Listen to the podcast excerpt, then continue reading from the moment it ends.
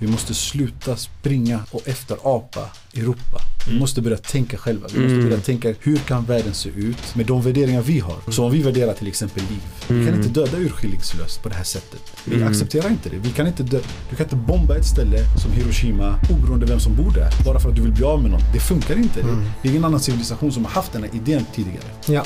Så någonstans måste vi säga, okej hur hade världen sett ut om de värderingar som, som vi förespråkar, hur hade en sån värld sett ut? Du har politiker som exempelvis talar om att Sverige har ett kristet kulturarv och därför så lägger man värdering i exempelvis böneutrop men inte kyrkklockor. För att när du har liksom exempelvis politiska partier eller politiker som uttalar sig om det här, du kommer inte från ett religiöst perspektiv. Även om vi säger att du är kristdemokrat, alltså du representerar ju ett sekulärt politiskt parti. Du re- representerar inte kristendomen när du kritiserar exempelvis, ja men ska Fittja moskén få ha böneutrop på fredagar? Det är klart att vi kan ha religiösa debatter och liksom interreligious typer av samarbeten och diskussioner. Men det är en helt annan grej. Det är en helt annan sak. Och det är inte, någon, det är inte därifrån den här kritiken kommer mestadels. I synnerhet inte i Sverige Mm. som är ett väldigt liksom sekulärt land.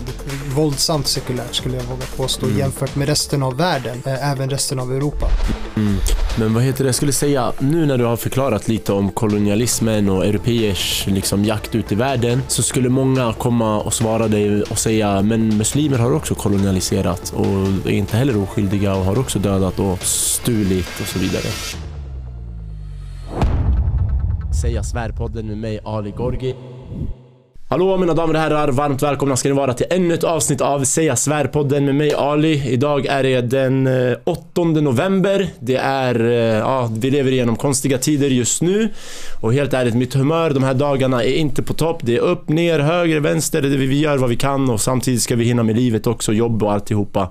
Men idag har jag med mig två gäster där vi ska diskutera ett väldigt relevant ämne med tanke på att idag den 8 november så vart Stockholmsmoskén i Medborgarplatsen attackerad av hatmeddelanden i graffiti på dörrarna och så vidare.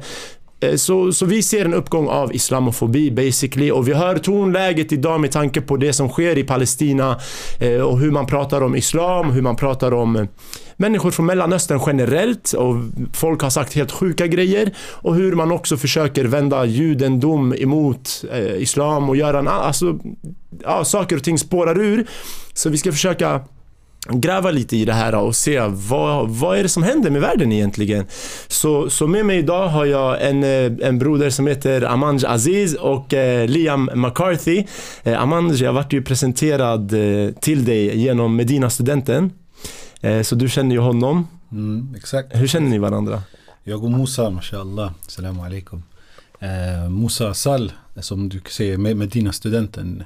Eh, vi känner varandra genom att vi båda två har varit aktiva i det muslimska civilsamhället men Mm. också, också i, i frågor kring liksom, förorternas villkor. Och, eh, så han, har ju, han är ju mashallah en, eh, en väldigt viktig person i, i de sammanhangen. Mm. Så jag kom i kontakt med honom för några år sedan. Eh, och sen eh, har vi varit sociala mediekompisar. Ja, roligt. Eh, och träffas när vi kunnat, alhamdulillah. En fin broder mashallah. Verkligen. Han har varit en eh, stor inspiration för mig också och eh, min resa i att eh, ja, bli en person med bättre moral för jag har också levt ett kaosliv och varit helt förlorad för det här liberala, ateistiska och så vidare. Så det, det var en väldigt bra inspiration för mig att, att, att konsumera hans content. Liam McCarthy, dig känner jag, eller jag har precis lärt känna dig genom en tidigare gäst, Husam, som var här och pratade gällande Palestina och historien av Palestina egentligen så vi kom i kontakt på så sätt men em, berätta lite om dig själv, ålder, vad du gör och så vidare och ta gärna micken Ja, nära. absolut. Ehm, Jag är en 26-årig socionom eh, student i grunden eh, men har varit engagerad sedan tidig ålder i frågor om antirasism och eh, väldigt, väldigt intresserad av historia. Eh, Jag är mest i anslutning till Amanj med idag eh, dels för att ehm, ja, men vara lite support men också eh, i samband av att eh, jag deltog i en debatt igår på ehm, ett, eh, ett program som heter Tidningen Framåt. Det är en webbtidning eh, som genomförde en, en debatt om Palestina-Israel-frågan mellan mig och någon som du har eh, också interagerat med nyligen, Ja. eh, Omar Makram. Yes. Då. Ehm, så att... eh, Twi! Nej jag skojar. Eh, så att, så att eh, jag, jag är mest eh, här för att eh, ja, som support för Amanj då, men också för att eh, diskutera eh, det nuvarande, det rådande läget i Mm. Sverige. Jag, jag är trots allt eh, konvertit till islam sedan sju år tillbaka med irländsk-svensk bakgrund. Eh, jag är gift med en arab, jag har en dotter som är halvarab som, som Mm. växer upp som muslim i det här klimatet. Och det påverkar en på ett personligt plan. Mm. Eh, självklart att liksom eh, se vilken typ av klimat som ens, eh, ens barn växer upp i. Mm, definitivt. Och vi kommer prata mer om civilsamhället i Sverige idag. Men jag tänkte Amanj, kan du berätta lite om dig själv eh, och din resa och vad du jobbar med idag och så vidare? Absolut. Först och främst, tack så mycket för att jag får vara här. Våran glädje. Och, och jag vet inte om kameran kommer se men det finns också en broder som sitter bakom min dator där som heter Pablo. Så jag vill också De känner han, de Tack så känner mycket. han. De jag Bra, är. jag är shoutout till honom också. Tack så jättemycket. Eh, men jag själv, jag är, som sagt heter Aman Aziz, jag är 35 år. Jag är närmare pensionen än vad jag är min födsel. Eh, så man börjar känna av det. Jag vet inte om du börjar känna av det nu när du också är i 30 Ja, jag, har inte tänkt så långt bror, men, Men du börjar tänka nu. Ja, nu. Du har präntat in den tanken i mitt huvud. Eh, nej, jag började faktiskt jobba med, med, med just det muslimska civilsamhället runt 2009 brukar jag har jag försökt att sortera ut i mitt eget huvud. Någonstans runt 2009 som jag blev engagerad. Och, Eh, jag flörtade med väldigt mycket olika, som de flesta gör eh, i den åldern men också eh, som de, de flesta också gör när de kommer in i civilsamhället. Då kollar man liksom på olika organisationer, olika så det blir en, som, som jag då lite skämtsamt säger, att man flörtar med väldigt många olika slags typer av organisationer. Tills man hittar sin plats helt enkelt. Eh, och väldigt tidigt så märkte jag att eh, frågorna kring rasism och islamofobi behöver adresseras. Så ungefär sedan den tiden så har jag på olika sätt eh, adresserat just frågor om islamofobi. Och den organisationen som jag idag representerar, så inte här utan allmänt. Jag representerar självklart här också, men det är Insan heter vi. Rasisterna kallar oss insane, men det är helt okej. De får jättegärna säga så. Men Insan betyder ju mänsklighet, människa, folk eh, på väldigt många olika språk. Eh, och det står för Institutet för samhällsanalys. Så det är en förkortning för det. Och organisationens syfte är att producera olika sammanställningar, rapporter men också göra tal, hålla tal, eh, föreläsningar, samtal om just islamofobi. Då islamofobi i synnerhet men rasism också generellt. Mm. Eh, och det grundades 2014.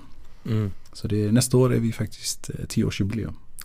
Jag har tänkt att eh, inshallah Mm. eh, göra någonting lite större så, men vi får se. Jag fattar. Men var du med och grundade den eh, Ja, exakt. organisationen? Exakt. Okej. Ensam eller med kollegor? Just då var jag ensam. Mm. Idag, idag representerar jag den ensam men det Mm. finns alltid folk i bakgrunden som alhamdulillah på olika sätt bidrar och hjälper till och supportar och så vidare. Mm. Det är bra. Och du nämner i, i din beskrivning att du, eh, du tog tag i frågan om islamofobi ganska tidigt. Är det på grund av att du själv har en muslimsk bakgrund eller varför, just, varför tog du tag i den frågan specifikt? Ja, faktiskt en väldigt bra fråga. Har inte jag reflekterat så mycket, så mycket kring. Men absolut, alltså att jag själv är muslim Mm. har, ju absolut bäring på det. Så någonstans eh, är det den frågan som också var Så jag såg väldigt tidigt. Alltså om du tänker 2009 Mm. du ändå, jag, tänker Pablo kanske inte kommer ihåg men kriget mot terrorismen påverkade jättemycket klimatet. Mm. Alltså vi såg väldigt många saker som inskränkningar på rättigheter, friheter som började liksom äventyras eh, och så vidare. Så att jag växte upp i det klimatet under 2000-talet där 2009 någonstans där jag själv blev en du vet när man blir i den åldern, när man kommer runt i 20-årsåldern Mm. så tror man att man kan ta an världen, man tror att man kan förändra Ja. världen. Så jag kom också in med den, eh, med den inställningen för att jag också pluggade samtidigt då statsvetenskap. Eh, Så då kände jag mig så här empowered, nu kunde jag liksom teorierna, nu kunde jag sakerna. Eh, och sen hade allt de här så, allt det här hade hänt under då 2000-talet så man, man, man var ju med när, när folk blev gripna, man såg när folk blev stämplade. Eh, då hade vi också en person som satt på Guantanamo Bay, jag vet om ni minns det. Ja. Eh, jag vet om ni minns Egyptensvenskarna som deporterades från Sverige. Nej. Eh, så det var väldigt många, mycket som hände som gick emot helt och hållet. Både folkrätt, mänskliga rättigheter. Va? Ja, ja. Det här känner jag inte till. Det- Guantanamo Bay har Det, berättat ja, för mig. ja, men just det här i Sverige som han Guantanamo Bay känner alla till. Så det var väldigt mycket som det var organisationer som, det var personer, individer i Sverige som fick alla sina tillgångar frysta. De, det var till och med olagligt att hjälpa dem ekonomiskt. Så enda sättet att få olika, de kunde överleva under den perioden de var stämplade var genom att man i princip gav dem mat. Mm. Eh, och även det var så kontroversiellt, hur ska du göra det? Så terrorlagstiftningen och, och hela den grejen gjorde så att jag, när jag väl kände mig empowered med alla de här nya teorierna och statsvetenskapen i ryggen och, eh, gjorde så att jag blev engagerad i, i, i den frågan. Mm. Det var också, alltså, en sak, förlåt jag, jag, eh, Kör, kör, att jag bara kör på. Men Ja, kör. eh, frågan om islamofobi är också den, den, den samlar en så extremt stor grupp av människor. Mm. Vilket gör att det är också en, en form av rasism som, som dels drabbar många men dels också går att mobilisera väldigt många kring. Av den simpla anledningen. Om du till exempel skulle ta antikurdisk rasism eller om du skulle ta eh, anti-arabisk rasism så är det liksom Mm. en specifik grupp. Medan Mm. islamofobi drabbar väldigt många fler. Mm. Och inte så- bara muslimer, eller hur? Nej, inte bara muslimer. Så att det, det kommer jag säkert in på Mm, definitionen mm. sen. Men eh, Mm. islamofobi drabbar både muslimer och förmodade muslimer. Alltså Mm. personer som kodas som till exempel kristna araber, Mm. sikher. Eh, Vi, alltså, sikher har ju dött i USA till exempel. Mm. De har blivit skjutna för att de misstänks vara muslimer. De, Bara de, de, based. har ju på sig en turban. Jaha. Och Eh, och då förknippas de med islam. Oh my God. Därav. Alltså Så islamofobi, islamofobi drabbar ju också människor eh, som inte är muslimer. Mm. Eh, typ som till exempel då kristna araber och sikher som också får. Mm, mm. Men också andra. Jag förstår. Grejen är, jag är ju alltså, jag är ju född muslim och uppfostrad som muslim, men jag lämnade religionen under många år. Också på grund av hjärntvätt från samhället egentligen. Så jag är van vid att känna, för när jag var ung, jag var ändå mm, någorlunda praktiserande. Jag strävade efter att bli praktiserande. Så jag kände av motstånd redan då. Det var liksom jobbigt för mig som ung att få bära på det här. Så helt enkelt, jag gav upp och jag var såhär, nej jag ska bli som er. Typ. Alltså förstår du?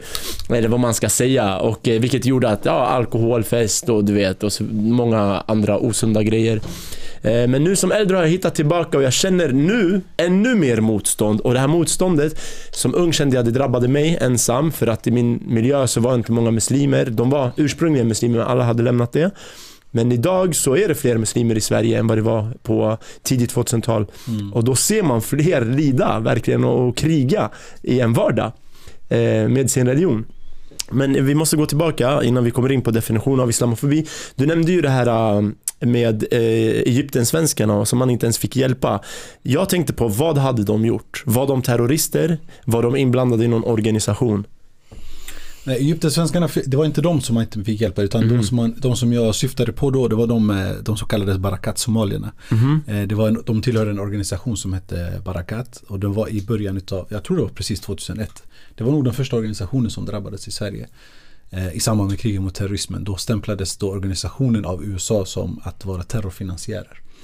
Eh, Och på grund av det så frös, frös till, till tillgångar och organisationen men också personernas. Vilket gjorde så att det var väldigt svårt för dem att eh, existera i samhället. För att alltså ekonomin är ju är fundamental i det sammanhanget. Mm. Egyptensvenskarna det är 2000 om inte jag, om inte jag minns fel, om inte jag har blandat ihop eh, datumen. Det är också 2001, 2003. Mm. Eh, någon gång runt den perioden. Vad som hände då är att USA begär dessa två personer. Eh, Egyptensvenskarna då. Eh, vi besparar att säga deras namn för att inte Ja, självklart. Eh, eh, Men de, de då eh, begärdes utav USA utlämnade och då ut, deporterades de eh, hem, i, i ett hemligt, i en, i princip hemligt uppdrag där CIA-plan landade i Sverige och plockade upp dem och skick, då tog dem till Egypten där de torterades i flera år. Nu har båda två fått eh, uppehållstillstånd om inte jag minns fel i Sverige. Mm. Men efter mycket, de, båda två var um, runt, den ena var i alla fall nästan tio år eh, i egyptiskt fängelse. Eh, och det var på den tiden Anna Lind var eh, utrikesminister som, Mm. som anordnade det här mötet tillsammans med USA. Men var de medborgare i Sverige när det här skedde? Nej, de var Ja. inte, om inte jag minns fel så var, hade de uppehållstillstånd. Jag minns faktiskt inte Ja, detaljerna okej. eftersom jag själv var så pass ung. Just det. Eh, Mm. Men det finns en väldigt bra bok om, om, som jag har läst och jag borde kunna detaljerna lite bättre. Mm. Men boken var länge sedan jag läste, sp- eh, den som heter Spår. Okej. Eh, Lena Sundström som bland annat har skrivit den. Mm. Där hon går igenom fallet för att hon jobbade på Kalla fakta då. Mm. Och Kalla fakta gjorde just ett program som blev väldigt Det programmet gjorde så att eh, Sverige kunde ansvarsutkrävas. Och det liksom mobiliserades kring den här frågan just på grund av att den här frågan, Kalla fakta gjorde det här programmet då om Egyptensvenskarna som hette till och med Egyptensvenskarna om inte jag minns fel. Mm. Eh, och som då upp, eh, det här hela uppdagades. Men vet man varför USA krävde deras utlämning? Ehm, ja, man, alltså nu vet man i efterhand Mm. eh, vet man det. Eh, Och var men- det rätt av dem? Alltså var de liksom... Nej, absolut inte. Aha. Utan det, det, de var ju helt oskyldiga. Utan det var så här mer eh, guilty by association, Ah, eh, kopplingar till, eh, påstådda kopplingar till Muslimska brödraskapet. Just det. Eh, och kopplingar, alltså genom jättekonstiga konstruktioner av kopplingar från Muslimska brödraskapet till eh, Al-Qaida. Mm. Och, och så på därför så, så, så, så togs de. Så de, de fick ju, alltså oavsett om de var skyldiga eller inte egentligen, Mm. så fick de ingen rätt, rättsprövning. Ingen Just rättvis rätt, Mm. rättsprövning överhuvudtaget. Ah, mm. Så det fanns ingen, alltså de här rättsstatsprinciperna kring oskuldspresumtion, att du är oskyldig tills motsatsen har bevisats, att du får försvara dig själv, att du får ta del av anklagelserna mot dig. Allt det där Wow. var helt borta för, för, i, i deras fall. Eh, så, så det var av den anledningen som också det uppdagades för att det, det var ett av de första fallen i svensk modern historia där man verkligen åsidolade hela rättsstatsprinciperna Wow. för att, eh, för att då behaga eh, Det här är ju helt allierad. sjukt. Man gjorde alltså inte det här tidigare med VAM eller några tidigare typer Alltså- av rörelser.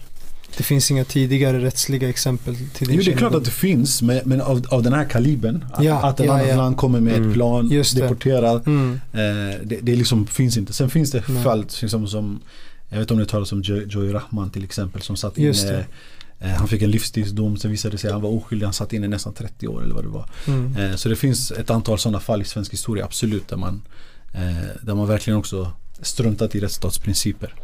Så det är inte första gången, men det här är ett sådant extremt fall där man Mm. verkligen åsidolade allting för en annan stats räkning. Mm. Men det här är konstigt. Jag lyssnade på en annan podd som heter Muslim Thinker. Väldigt intressant podd. Jag vet inte om ni känner till den. Jag rekommenderar den. Där det var en brittisk eh, kvinna som förklarade att nu, om ett barn på dagis skulle uttrycka någonting som kanske klingar positivt för eh, Palestinas sak och det kanske kan misstolkas som att man eh, eh, pratar väl om Hamas så kan socialen blandas in och du vet gå in i familjens eh, enskildheter och, och försöka kräva det ena och det andra av familjen. Men om samma unge skulle eh, uttrycka sympati för Ukraina, då är det en helt annan grej. Då är det så här, ja men det här är bra. Och då är min fråga, vad är det som avgör? Vilka är de här som får avgöra vilka som anses vara dåliga och, och bra? Och varför anses vissa vara dåliga och andra vara bra? Liksom? För det känns som att många människor inte själva väljer det här utan de blir påsålda idén och du ska du bara acceptera Ukrainas flagga överallt. Eh, och allt annat är terror. Alltså det är också ganska konstigt. Mm. Jag förstår. Det, är väldigt många som, som, som tycker och t- tänker samma sak. Just i, i UK så har de en annan slags... Eh, eh, det är lite dubbla åsikter om det här. Så det jag, det jag ska säga. Men i grund och botten så i UK så har de ett program som de kallar Channel och Prevent. Mm. Så Channel och Prevent handlar om att eh, det är en antiradikaliseringsinsats då från statens sida. Där socialtjänsten bland annat är involverad och där man har så kallade Prevent Offices på olika skolor och i olika communities. Som handlar om att identifiera människor som på olika sätt uttrycker radikala idéer. Mm. Eh, man skulle säga att i Sverige har vi inte en sån systematiserad. Eh, men det är där jag säger att det är, det är lite Jag skulle säga att det finns. Eh, även i en, svensk kontext. Eh, som ni allihopa känner till ju Magnus Ranstorp som är den Mm. så kallade terror eh, fuskaren som, som han kallas utav en annan professor. Men som brukar kommentera då olika saker kring, kring terrorism i media och så vidare. Och han, han jobbar som forskare på Försvarshögskolan. Eh, han sa i en föreläsning som han hade i en, under, efter fråges, på en frågestund som han hade eh, efter en föreläsning som han hade på Göteborgs universitet. Då fick han frågan varför har inte Sverige utvecklat Prevent? Och då sa han Sverige har redan Prevent men de kallar det inte Prevent. Utan det, är till och med, det finns till och med långt, mer långtgående insatser i vissa fall som, som till och med överskuggar vad, vad Prevent egentligen gör. Eh, så i en svensk kontext finns det en ganska eh, jag skulle säga en ganska systematiserad idé om att eh, när någon uttrycker radikala idéer så måste det göras insatser mot det. Eh, Men tillbaka till din fråga, den konkreta frågan. Så vad är det som, vem är det som avgör vem som har radikala åsikter och inte och så vidare. Alltså i grund och botten vet vi. Eh, Du vet, jag vet, Pablo vet, Elian vet. Vi vet vad som avgör och jag tror att de senaste åren har det här blivit explicit, alltså väldigt, väldigt explicit. Jag tror att det har blivit jättetydligt. Och jag tror att fler, fler och fler människor inser att det finns en skillnad. Man sätter olika människovärden helt enkelt. På, på vem som är eh, en sörjbar kropp och vem som inte är en sörjbar kropp. Vem som har yttrandefrihet och vem som inte har yttrandefrihet. Bara för att ge ett konkret exempel. Eh, förutom Ukraina som också är ett konkret exempel. Eh, Ebba Busch sa i samband med Ebba Busch då, som är vice statsminister i Sverige. Hon sa i sitt sommartal så säger hon bland annat att i Sverige får man bränna en koran. Och den, is- det är en islam som inte tål att en koran bränns, hör inte hemma i Sverige. Så en rimlig tolkning utav vad hon säger är att att bränna en koran är yttrandefrihet. Men att protestera mot en koranbränning är inte yttrandefrihet. Ah, wow, ah. Han gick emot sig själv. ja, men, men, och det går hem hos en Just det. väldigt stor andel människor Faktiskt. i Sverige. Och då får man fråga sig varför går det hem?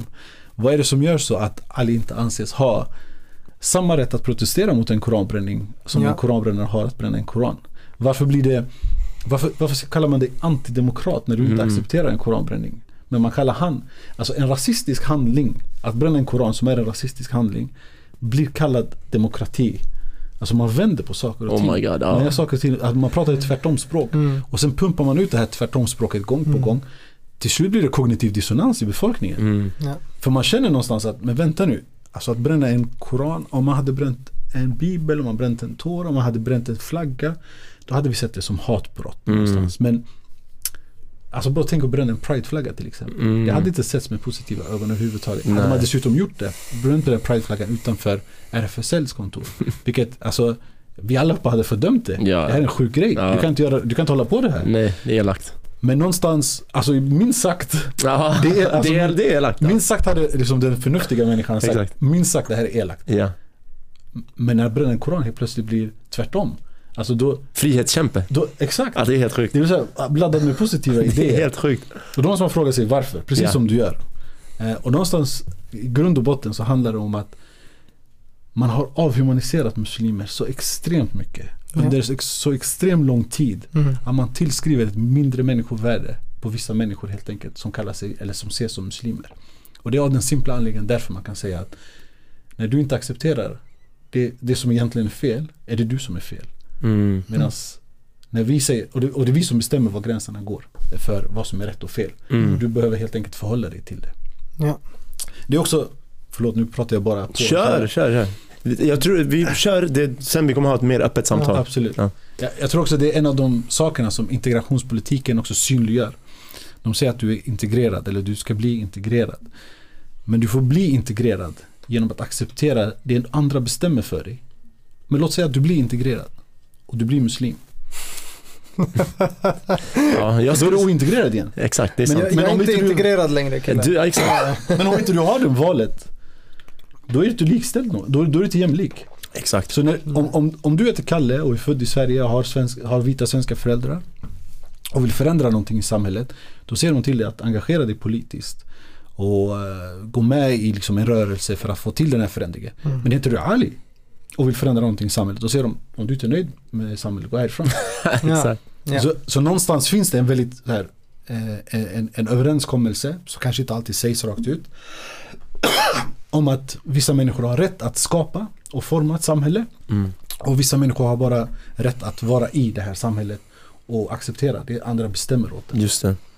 Ja, det där, det, det var lite inne på det också att när jag var ung, jag gick den vägen och du vet försöka vara en muslim och sen när jag blev lite äldre kände jag det här är för jobbigt man. Det är, inga, det är jobbigt bara. Så jag släppte alla de normerna och, och ja, började festa och dricka och du vet kaosa det vanliga. Då vart man eh, mer så här, ja, välkommen typ så här.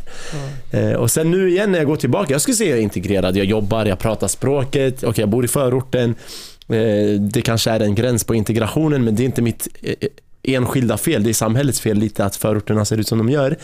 Eh, så, så precis som du säger, när jag gick och debatterade för liksom, eh, Palestinas sak senast så var de så här, ja men åk hem, om det inte passar dig, åk hem. Och sen sa de, de kommenterade till och med vissa att jag är en kostnad för samhället. Hur är, alltså, det är helt sjukt, bara för att jag hade vissa idéer. Mm. Men alltså jag menar, det, det här kan ju egentligen knytas till Palestina, det är intressant. För jag, nämnde, jag nämnde det i debatten igår och vi kommer gå in på det mer senare. Men i fallet med Israel, Israel är ju ur det perspektivet, om vi pratar om eh, arabiska minoriteten i Israel, Mm. de har lite samma de är lite i en liknande situation till exempelvis invandrare i Frankrike Mm. eller invandrare i Storbritannien där det här är koloniserade folk, alltså folk som har eh, deras förfäder har mördats och våldtagits och fått sin land och sina naturresurser bestulna tills idag. Och det är därför de befinner sig i sina före detta kolonialländer många gånger. Och de agerar ju den eh, lågavlönade arbetskraften som egentligen är ryggraden av det franska och brittiska samhället. Mm. Eh, och även if, i, nu har Sverige inte samma koloniala historia men om vi tittar på exempelvis muslimer är överrepresenterade inom sjukvården. Muslimer är överrepresenterade inom vissa typer av yrken som är livsnödvändiga för det svenska näringslivet. Exempelvis taxichaufförer, exempelvis städare och Buss. så vidare. Busschaufförer och så vidare. Låt oss bara ponera tanken att vi faktiskt gör det ni ber om.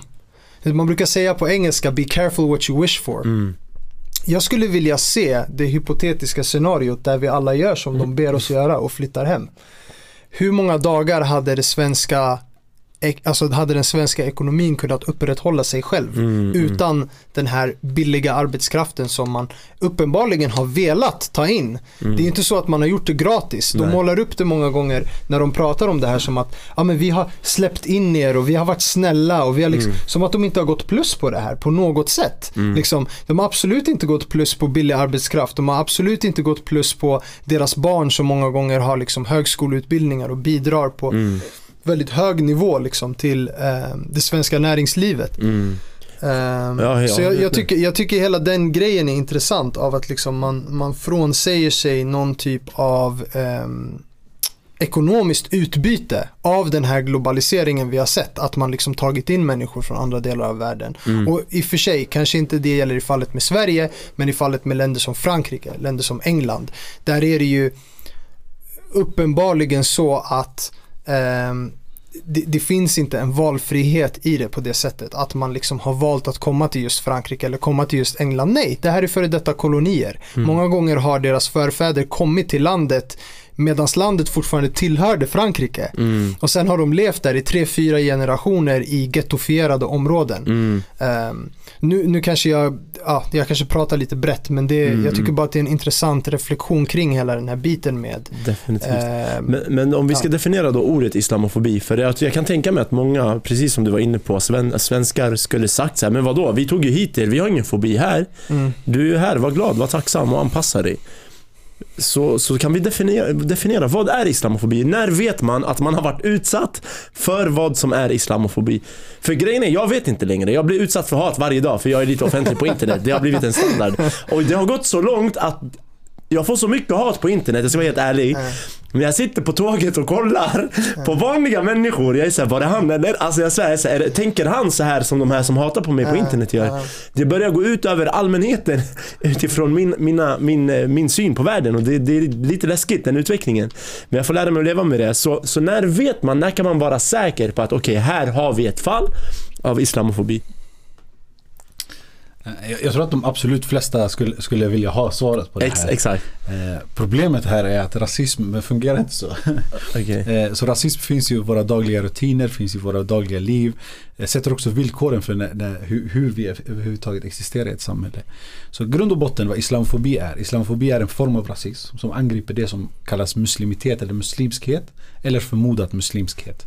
Det som vi har pratat om tidigare. Med att det är inte bara muslimer utan det som på olika sätt kodas som muslimer. Vare sig det är personer eller platser kan också angripas då utifrån eh, denna formen av rasism. Så måste man då förstå vad rasism betyder i sammanhanget. Rasism är värderandet av verkliga och föreställda skillnader mellan människor. Så att det är någon som tillskriver ett verkligt eller ett föreställd skillnad. Och, och det värdet gör så att man förhåller sig och skapar politik kring det tillskrivna värdet helt enkelt. Så om man skulle säga islamofobi då är ett sätt för samhället att på olika sätt värdera och klassifiera vissa människor mm, som inte behöriga eller som inte berättigade eller inte som värda nog att vara med i det offentliga samtalet om att forma Sverige. Om att också vara en del av Sverige. Att kunna leva i trygghet. Att kunna vara precis som alla andra människor i en jämlik position. Här är det viktigt att förstå på vilka nivåer islamofobi tar sig uttryck. Så islamofobi tar sig uttryck på flera nivåer. Så man skulle kunna absolut prata om den delen som du frågar om, det här hatet. Eh, det går inte att reducera någon, form av rasism till hat. För att eh, tvärtom, om du kollar på den koloniala historien så har rasism ofta varit mellan människor som har träffats, som har haft ett utbyte, eh, som också till och med tyckte om varandra. I Sverige så, så för, försöker man alltid att göra rasism till en moralisk fråga. Att det handlar om individs moraliska attityd gentemot någon annan människa. Men när du kollar på historien så har det aldrig varit så. Alltså, svarta slavar som var väldigt duktiga, som var väldigt omtyckta av sina ägare blev inte fria för det. Mm. Judar som var väldigt duktiga eh, under nazitiden blev inte liksom, mindre eh, antisemitiskt bemötta för det. Eh, och så vidare. Mm. Så vi ser genom historien att just hat och känslor är en begränsad del av den rasismen. Eh, utan det är snarare att eh, det, det, finns ett eh, Stokely Carmichael från från USA, en av medborgarrättsrörelsen.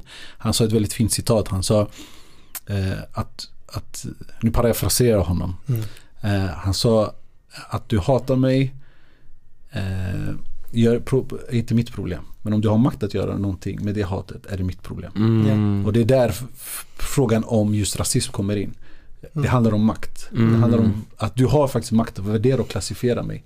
Jag säger, okej okay, Amanj, du tycker så här och du tänker så här du är antidemokrat nu. Mm. Eller du är mm. islamist. islamist. Eller du är en extremist. eller, och hitta på massa begrepp och eh, mm. värdera dessa begrepp utefter mm. att det behövs olika insatser. Det behöver övervakas på olika sätt. Mm. Eh,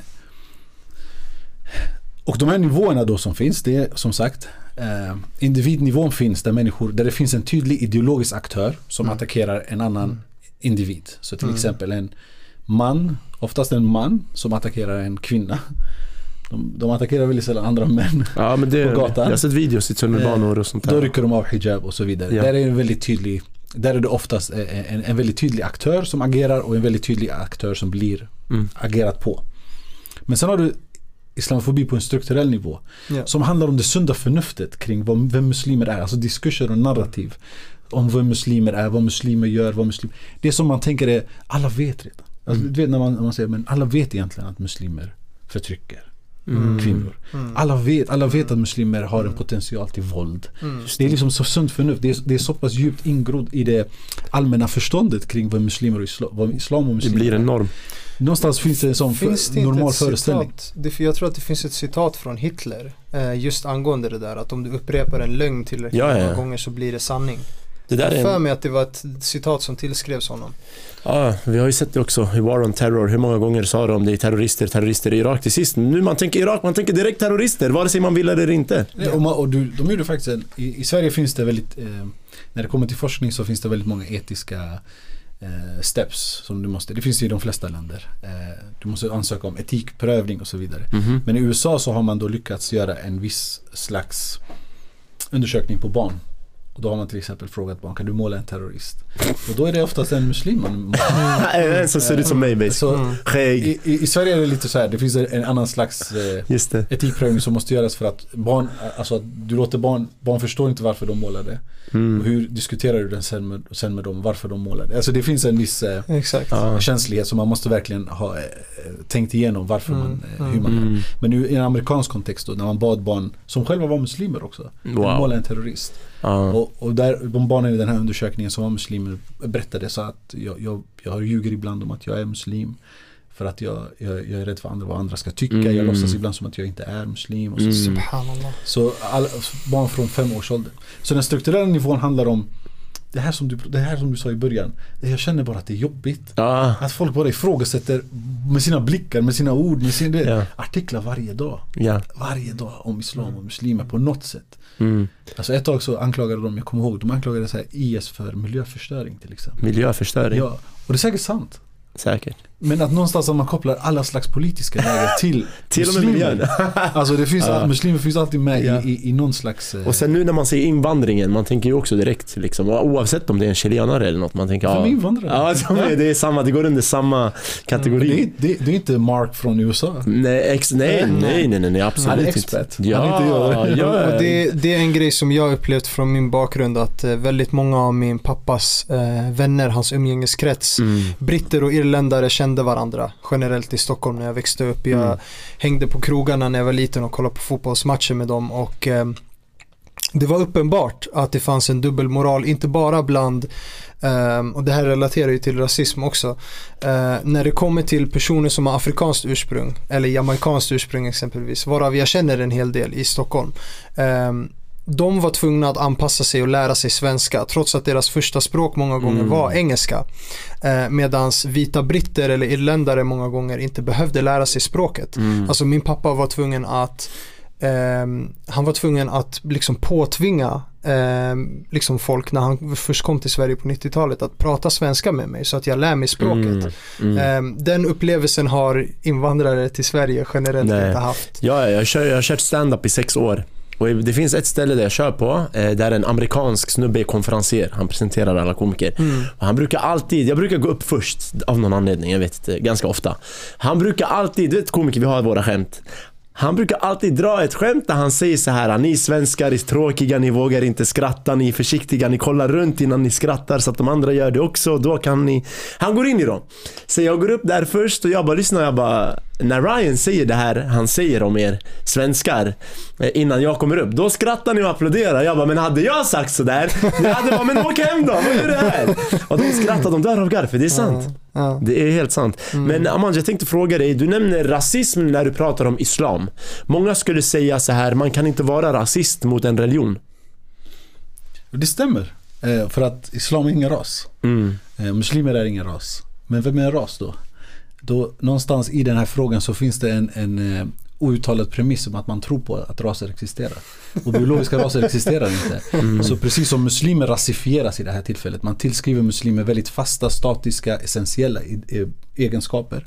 Så gör man det mot samer också, mot svarta också, mm. mot judar mm. också. Mm. Så om vi skulle säga att man kan inte vara rasist mot muslimer för att muslimer är ingen ras. Någonstans måste man då förklara varför ras existerar som en biologisk verklighet. Mm. Vilket det inte gör. Ja. Eller så måste man förklara varför muslimer skiljer sig från judar till exempel. Mm. Men judendom mm. också är en religion. Mm. Men man kan ändå vara rasist mot judar. Man kan ju vara antisemit. Och, och, så vad, vad, är då skillnaden mellan att vara islamofob och antisemit någonstans? Mm. Och någonstans i historien på grund av Hitler, man ser att Hitler gav rasismen ett dåligt rykte. Jag vet inte om du har talat om det. Eh, rasismen, eh, Hitler gav rasismen ett dåligt namn eller ett dåligt rykte. För att man gjorde, Hitler gjorde det svårt att vara rasist.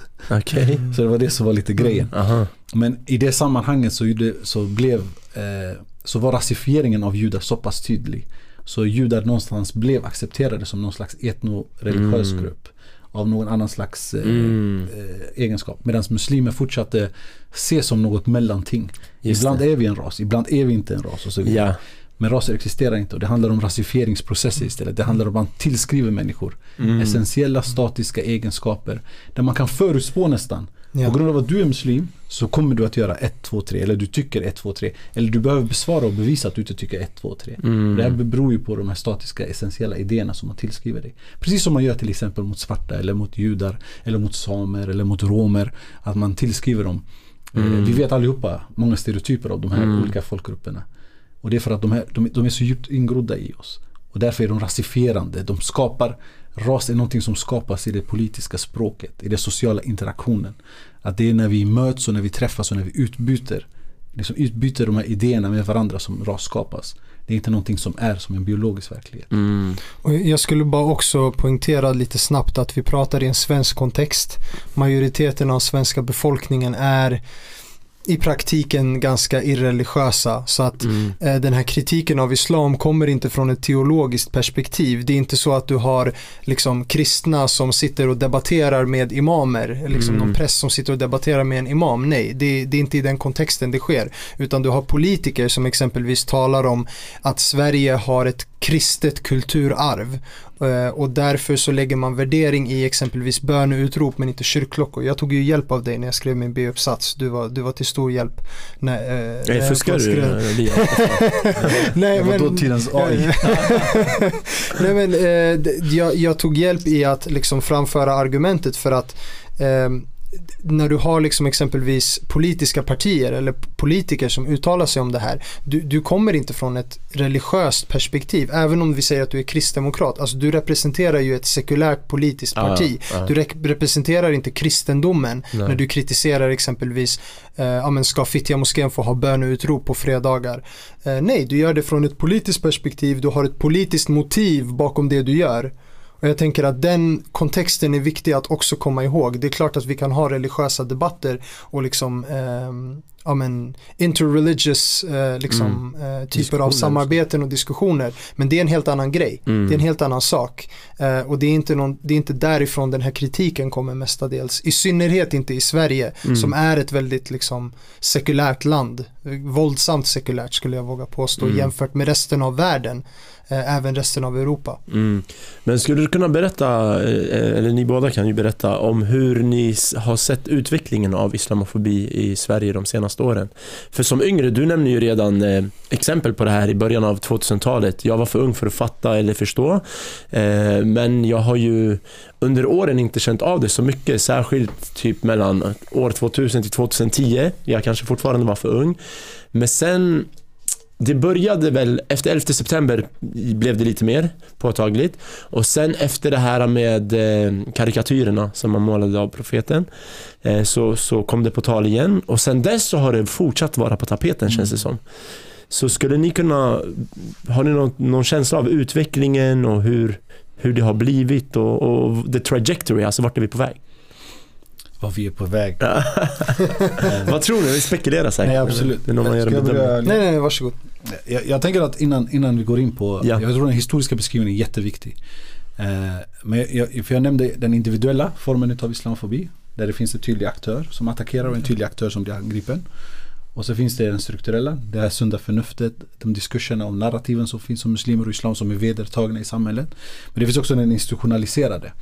Det är där lagar och administrat- administrativa beslut i Mm. princip är, slår på ett diskriminerande sätt mot muslimer. Eh, Ett exempel är de muslimska skolorna som övervakas ännu hårdare än andra skolor. Där man uttryckligen, till exempel i Tidöavtalet som den sittande regeringen kom fram till med Sverigedemokraterna, säger att just muslimska skolor ska övervakas lite mer. Ska vara punktmarkeras. Eh, Och dessutom att man har stängt ner, in, alltså under Socialdemokraterna innan, man stängde ner alltså över 30 muslimska skolor och förskolor i Sverige har stängts ner. Det är 30 som jag känner till. Mm. Det är förskolor och skolor, dagmammaverksamhet Mm. som har på olika sätt stoppats eller stängts ner i Sverige de senaste, eh, sedan 2010. Mm. Får, jag- får jag avbryta och ställa en fråga Ja. här innan du fortsätter? Vad innebär en muslimsk skola? För att för den som inte vet, det kan ju tolkas som så här äh, terrorläger eller något. Alltså, Men- förlåt och att det- jag säger det. Och det där, det där, det här är den strukturella islamfobin som spökar. Det är den som, det är den som gör så att vi en, överhuvudtaget tänker på Mm. att ordet terror när vi tänker på Det är det, muslimska. att man skolar upp så här små Ja. rebeller. Det är de muslimska skolor som har lagt Små ner. Amanj.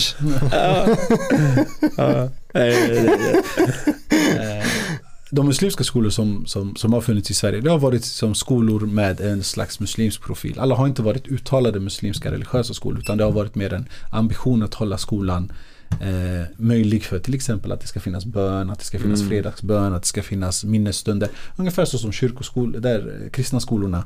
Där de har, eh, till exempel i Göteborg så finns det en kristen skola som gör sig. Mm. Pablo gick i katolsk skola. Det var i Spanien. Ja. Ah, Och där, här i Sverige i alla fall så började man i de kristna skolorna vet jag, med morgonbön till exempel. Jag vet inte hur det var i, hos, hos er. Ja, det var ganska strikt. Men eh, alltså... Hade ni post- böner i skolan? Bad ni? post, Allt, ja. Ja. Ja. Så, och, och muslimsk skola skulle vara en motsvarande. Att man skulle Mm. på något sätt ha en, ha en safe space helt enkelt för muslimska barn att kunna växa upp med sin identitet, stärka sin identitet samtidigt som de då får ta del av eh, läroplanen helt enkelt. Så det var det som då var de eh, muslimska skolorna och förskolornas eh, tror jag vilja i alla fall. Mm. Utifrån, utifrån de få som finns kvar, nu finns det väldigt, väldigt få kvar. Man har i princip stängt ner eh, Mm. de flesta. Eh, men det är den ambitionen de i alla fall uttrycker. Att det är någonstans att, eh, att skapa ett tryggt rum för muslimska Mm. barn att kunna liksom frodas i sin identitet men samtidigt kunna ta del av sina akademiska, akademiska meriter helt enkelt. Mm. Mm. Eh, och jag tror att det, det är väl det är det i alla fall som har sagts. Och just det, och vet man motiven till varför de stängde ner det här? Alltså det är allt möjligt. Eh, Oftast är det administrativa beslut som att eh, de har skött bokföringen fel. Eh, folk som har varit i styrelse har inte varit, ansetts vara lämpliga. Eh, men även om man till exempel i Römosseskolans fall i, i Göteborg, där bytte man till och med ut hela ledningen. Man bytte ut hela styrelsen. Men Skolverket accepterade fortfarande inte, eller Skolinspektionen och Skolverket accepterar fortfarande inte eh, bytet. De sa vi tror inte på att ni har bytt egentligen. Att någonstans döljer sig de gamla i bakgrunden. Så de här nya är bara, det är bara en fasad. Eh, så att du kommer inte runt det. Så, så de administrativa besluten verkar väldigt sakliga. Men när du väl kollar på hur de, de här muslimska skolorna bedöms och vilka möjligheter de, gör, de ger till de här muslimska skolorna för korrigering så är det en extremt stor skillnad på det och andra skolor som till exempel har fått varningar eller hot eller eh, hot om nedläggning och så vidare. Mm. Där, har man inte gjort, där har man inte gjort samma drastiska åtgärder. Att man har stängt ner. Mm. Eller man har tvingat, som i Römosseskolans fall var det 200 elever. Sen finns det skolor där Skolinspektionen och Skolverket inte har kunnat stänga. Som till exempel Framtidsskolan här i Stockholm. Där gick Säpo istället in och stängde. Damn! Och det är första gången i svensk historia att Säpo Aha. går in och stänger en skola på det här sättet. Eh, och då, då, så först ville Säpo inte ange anledningarna.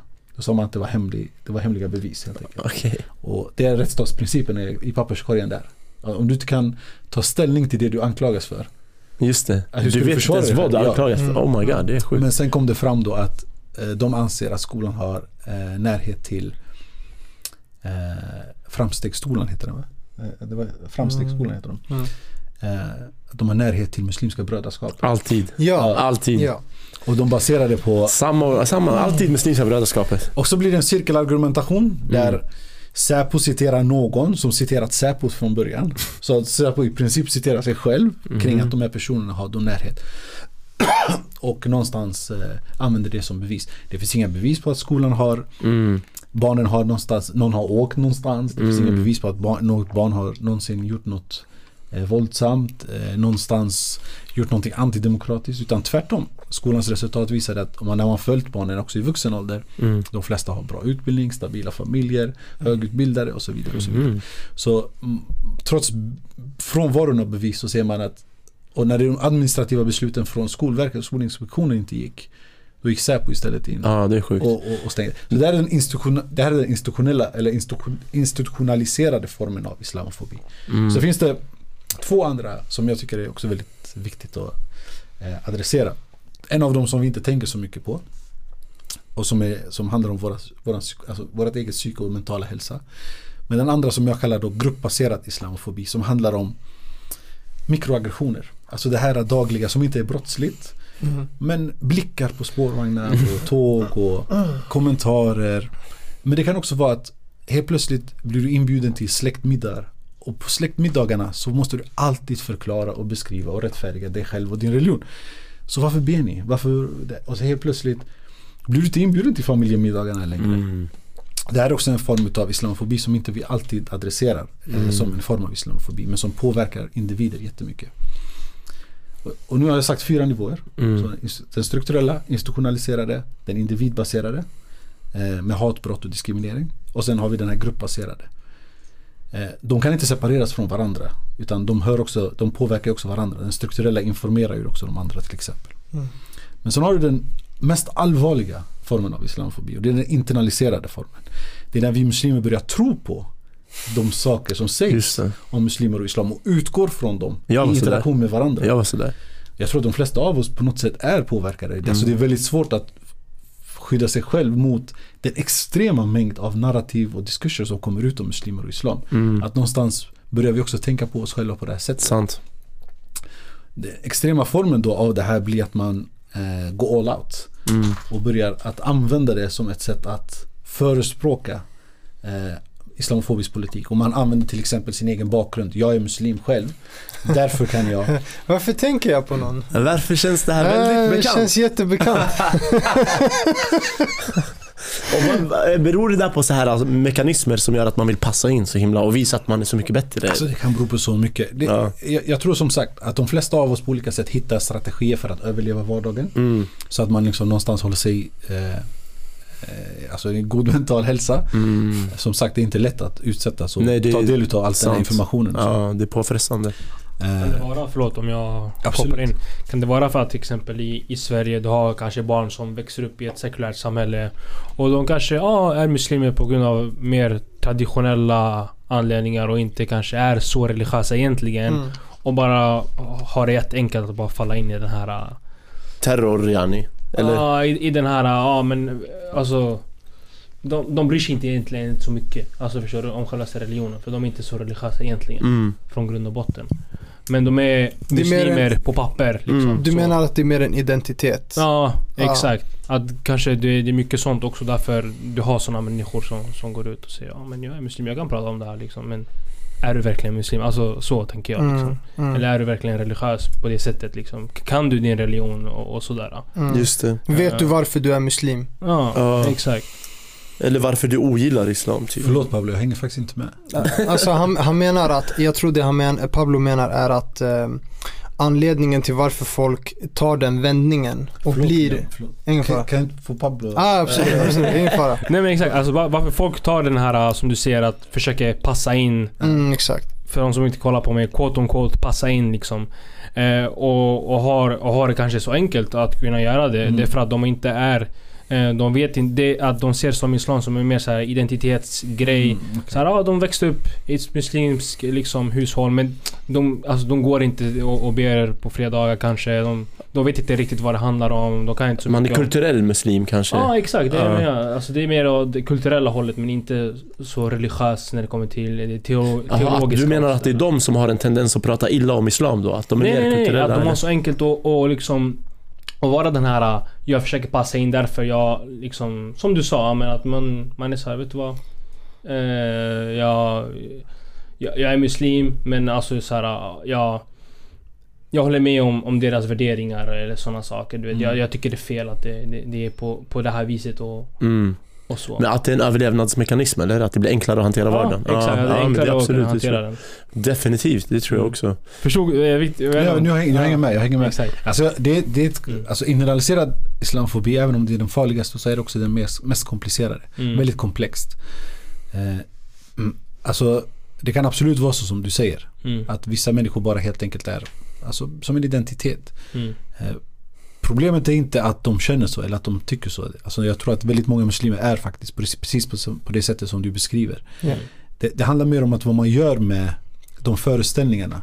Mm. Använder man dem i syfte att skada andra muslimer? Mm. Eller att skapa eller stödja en politik som skadar andra muslimer? Mm. Det är då den is- internaliserade islamofobin blir väldigt dramatisk och helt plötsligt blir den väldigt allvarlig och farlig. Det. Mm. Så det är i det fallet. Så jag tror Mm. att väldigt många kanske till och med likgiltiga inför islam. Alltså så här, Mm. jag är född muslim, so what? Vem bryr sig? Du vet? Men och så det lever livet exempel, bara. Jag vill ge er ett exempel. Det finns många svenskar då. då. Eller jag är spanjor, jag är från Spanien. Katoliker, Mm. jättemånga. De säger ja men alltså många av dem, de, när de växer upp, de säger inte ja jag är, jag är kristen. Det, Mm. Så de, de säger nej jag tror inte på Gud bara. Alltså de, de, eh, de, de bestämmer sig. Vet du vad? Jag, jag, tror inte, jag tror inte på den här religionen du vet. Men jag menar att enkelt för att men det är inte så lika kulturellt ingrävt. Till exempel i, i Sverige eller i Spanien du vet att så här, ja, ja, det, det är som, en, som du sa, en identitet kanske. Att ja, jag är muslim, det är som en form av så här, inte nationalitet men det är, så här, det är en del av mig, du vet. Mm. Kulturellt, så. Men i, i, i Sverige kanske, du vet, du, ja du är född, du är döpt och sånt men i slutet av dagen när du växer upp, du, du går inte och se, runt och säger ja, jag är kristen liksom. Eh, ja, Att det blir en främmande ideologi typ eller? Ja men att det blir så här att, att man, man skjuter ifrån helt från att identifiera sig själv med, med religionen kristendom. Förstår du vad jag menar? Mm. Även fast Mm. man, man växte upp Ja, och man döptes på grund av det kulturella. Ja. Men när man växer upp så, så inser man att jag, alltså, jag är inte kristen. Jag går, Mm. inte och, jag går inte runt och säger att jag är kristen. Jag förstår fattar. du? Ja. Men jag tänkte ställa en annan fråga. Mm. Men, men Eh, det här är väldigt, jag tror det här är väldigt bra. För att det, det du säger är eh, det, det är väldigt... För det är jag tror, farligt i sådana fall att, som du säger, att ha det här interna... När folk går runt och säger ja jag är muslim men alltså förstår du vad jag menar? jag Att fattar, jag hänger med. Jag antingen att du är det eller du är inte det. skillnaden här Mm. mellan muslimer och till exempel kristna i, i ett svensk kontext Ja. är att väldigt mycket i samhället är kodat Ja. utifrån kristendomen. Så även om du väljer att inte vara kristen Ja. så måste du förhålla dig till kristna symboler exakt, vi måste exakt. göra det hela tiden. Ja, ja. Som muslimer. mm. Så till exempel helgdagar, bara ta Mm. en sak som jul. Ta Mm. en sak som påsk. Det är, väldigt, alltså man, det är så normaliserat att man ska vara ledig under den här perioden. Man ifrågasätter inte ens det här. Mm. Man, man, nyår. Att Ja. nyår är första januari. Gregorianska kalendern. Gregorianska. Mm. Mm. Där kan du prata till exempel med folk som följer den julianska kalendern. Mm. Alltså ortodoxa Mm. kristna Mm. till Just exempel. det. Som har en helt annan tidsuppfattning. Mm. Och som inte får plats i Sverige. Och så har du muslimer då som följer en helt annan tids uh. Mm. Exakt. Ja. Så skillnaden här mellan muslimer och kristna skulle jag säga, också, också i en spansk kontext. Mm. Det är att samhället redan, redan programmerade eller någonstans socialiserade in i ett sätt att tänka som är kristet vare sig du vill det eller inte. Fattar. Mm. Och det är som, samma sak i Sverige. Mm. Vi tar för givet att vi, vi kallar oss sekulära men det sekulära är väldigt kristet kodat. Ja exakt, Så det någonstans stämmer. är det redan Mm. eh, man, tillförser re- redan den kristna delen. Även om du väljer att inte vara kristen. Även om du vill se- kalla dig själv sekulär, jag tror inte på Gud. Mm. Så har du fortfarande en väldigt nära, nära till den judeo-kristna traditionen som de Jag kallar fattar. Mm. Det är inte judeo... De, de, de har, det är inte judeo-kristen. De inte längre. Inte längre.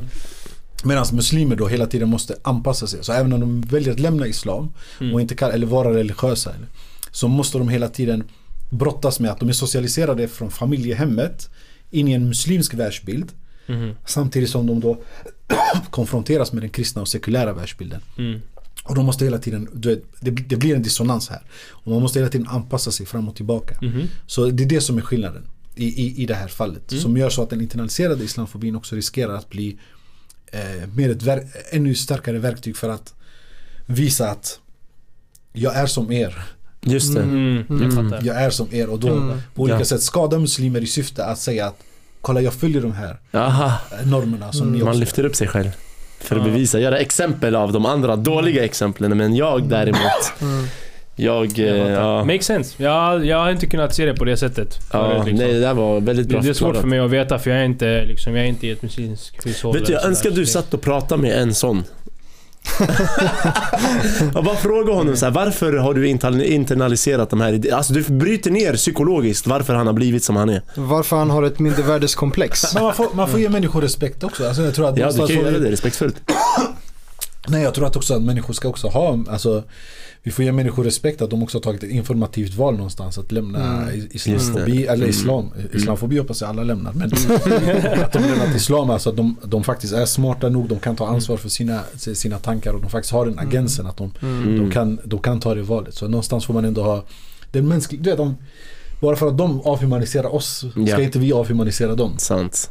Så Mm. att någonstans får vi acceptera att som Omar Mukhtar, den kända eh, Mujahid i, i Libyen sa, han sa de är inte våra lärare. Nej. Eh, bara för att de gör någonting mot oss ska inte vi göra samma sak tillbaka. Sant. Eh, och i det här fallet är det väldigt viktigt att säga okej, Mm. du väljer att göra det här, jag väljer att bemöta dig på det här andra sättet. Just det. Ja. Så Ja. någonstans ändå ger dem respekten. Men eh, eh, Pablo, jag tycker det är intressant att du säger ja men jag är inte muslim och så, men du ser faktiskt, eh, du skulle passera som en muslim på ett flygplan i alla fall. hemskickad? Hade Pablo blivit hemskickad när det är dags för oss att bli hemskickade? De hade inte trott att han heter Pablo, det här är Omar. Han har lite... Ja, ja man, hoppa på eh, frågan. han har lite andalusiskt blod i sig kanske. Ja, definitivt. Ja. Nej men okej. Jag brukar skämta med Ali, de, bara, han säger, de hatar oss platta. Jag säger nej nej, prata för dig själv, de älskar Spanien. du vet, Ja, sådär. exakt. Han kommer De älskar att åka dit bro. De vill inte ha dig här. Ja, vi träffar i Gran Canaria. Du kan sälja lite inträdesbiljetter där nere. Nej, Men vad var det du frågade? Ja, min andra fråga det var det här med, jag vill gå tillbaka till muslimska skolor. Eh, och att ett argument från, eller ett argument som kan vara för att stänga dem kan vara att de här ungarna kanske integrerar, inte integrerar sig i samhället på grund av de här skolorna. Så de för alltid kommer vara utanför. Eh, Alltså som allt annat så behöver vi i så fall data på det. Det finns ingen data som visar på att någonstans att det har varit fallet. Mm. Utan tvärtom så finns det data som visar tvärtom. Alltså helt enkelt att de barn som har gått i den här, dessa skolor, till exempel den här skolan som Säpo nu la ner då. Att de här barnen har fortsatt in i arbetslivet, har utbildat sig, har hög, har hög utbildning och så vidare. Så vi ser inte de tendenserna och vi har inte sett de tendenserna. Mm. Nu, nu är det väldigt anekdotiskt men om inte jag minns fel när en av skolorna i Göteborg lades ner. Då visade det sig, jag tror det var Römosseskolan, och då visade det sig att de, då oroade man sig i media då. Att de här barnen då skulle komma in till de här klasserna, inte, så här, va- vara efter massa saker i ämnen och så. Och när de kom så presterade de mycket bättre än de eleverna som Wow. var där. Så det finns inga bevis på att de har blivit, det som, det som Säpo sa i sitt beslut är att, eh, vad kallar de det? Eh, de, eh, Radikala. nej, jag har nej, inte de läst rapporten men... eh, enklaviserar. Vad fan betyder det här? De menar att de stänger in Ja exakt. barnen. De, de blir uteslutna från majoritetssamhället. Exakt. Ja. Men, men vem är det som gör det? Vem är det som stänger ut dem från majoritetssamhället egentligen? Det är väl det som är den relevanta frågan tänker jag. Men det var det Säpo sa. Så Mm. Säpo, Säpos beskrivning av verkligheten eh, stämmer oftast inte överens med, med, med min i alla fall. Mm. Så eh, de sa att de enklaviserar barnen. Mhm. Och där, av den an- anledningen så, så skulle man stänga ner skolan. Också, också som en anledning då. Men, det, men det finns inga, de, de, de kunde inte backa upp det här. Mm. Så det här var bara Mm. ett, och då hänvisar de till eh, intelligence. Alltså att Just det det. finns information, de har fått information, det finns bevis för det här. Rikets Som de- säkerhet. Trust Som me de- bro. Source trust Vi me bro. hänvisar till rikets säkerhet. Vi kan inte släppa information. Eh, Ja, men eh, vad heter det? Ja, det är helt sjukt. Det känns som att det är ett krig mot människors identiteter. Ja, för ju, alltså premissen i det där som Amanj beskriver är ju att ju mer muslimska de är, desto mindre integrerade kommer de vara. Desto mindre Civiliserade, eh, civiliserade i samhället barbar. kommer de vara. Ja. Och jag, tycker jag tycker Och det är har sett den här retoriken i Palestina. Ja, ja väldigt, väldigt, eh, naturligtvis. Men Ja. jag tycker bara en, en snabb, eh, ett snabbt exempel. Jag läser en bok just nu som heter Biohistory av en kristen ehm, historieprofessor tror jag att han är. Han heter Jim Penman. Och han, eh, han framlägger liksom eh, han tittar på rent historiskt vilka samhällen har existerat längst. För att vill du svara på frågan vem är mest civiliserad då måste du egentligen titta på vart har det funnits organiserade samhällen längst. Mm. Och det finns svar på den frågan. Eh, det är Mesopotamien, uppröra många människor. det är. Mesopotamien, Ja. eh, det är Indusdalen och det är forna Egypten. Eh, jag vet inte riktigt hur ni har sett liksom, de här platserna skildras i Mm. eh, västerländsk media men jag skulle säga att om du nämner Pakistan, Egypten och Irak det första folk tänker på är inte Okej. liksom civiliserade Nej. människor eller civilisationer. Men rent historiskt så är de här människorna mest civiliserade. De har levt i organiserade samhällen längst Mm. baserat på arkeologi och historia och det vi vet om de här platserna.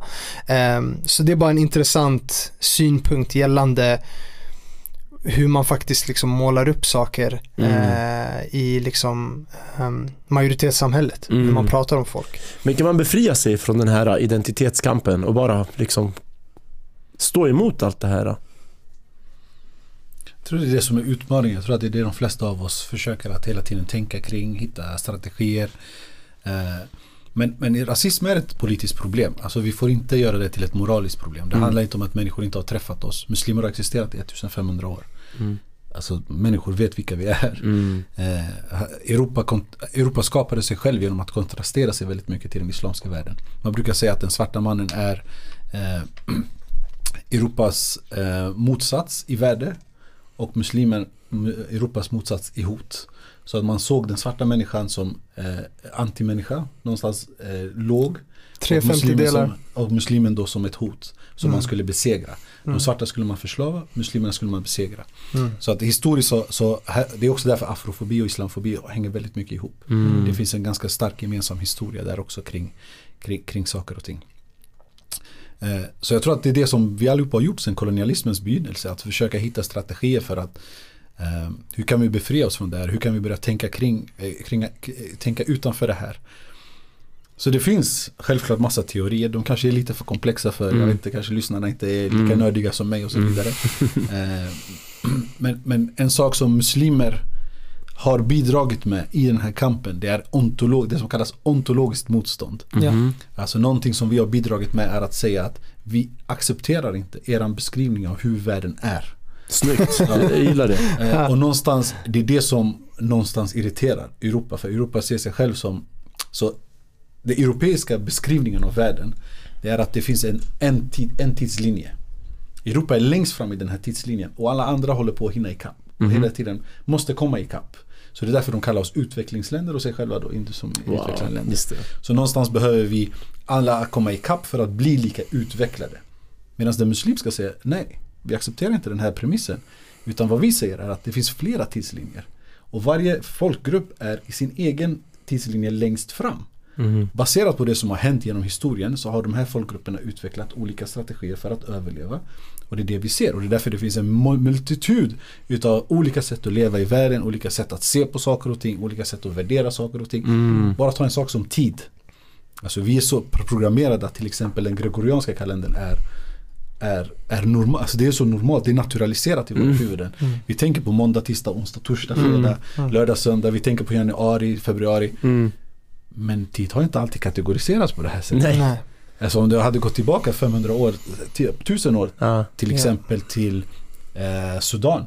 Mm. Då hade de sagt vad snackar du om? Mm. Här har vi julianska kalendern och hijri-kalendern. Vad är Ja. gregorianska för något? Sant. Så de hade inte förstått vad det, vad, vadå, vadå, klockan 13.57, Exakt.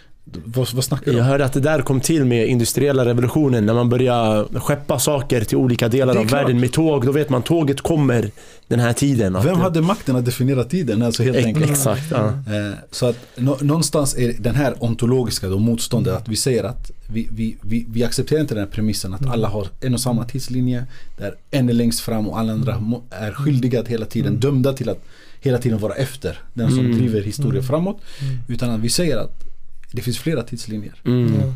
Och varje folk har drivit sin egen tidslinje och har överlevt de sakerna som har hänt dem Mm. och kommit till den punkt de är idag. Just det. Sen har vi haft massa avbrott. Ingen vet hur de länder som koloniserat skulle varit idag om de inte hade koloniserat. Exakt.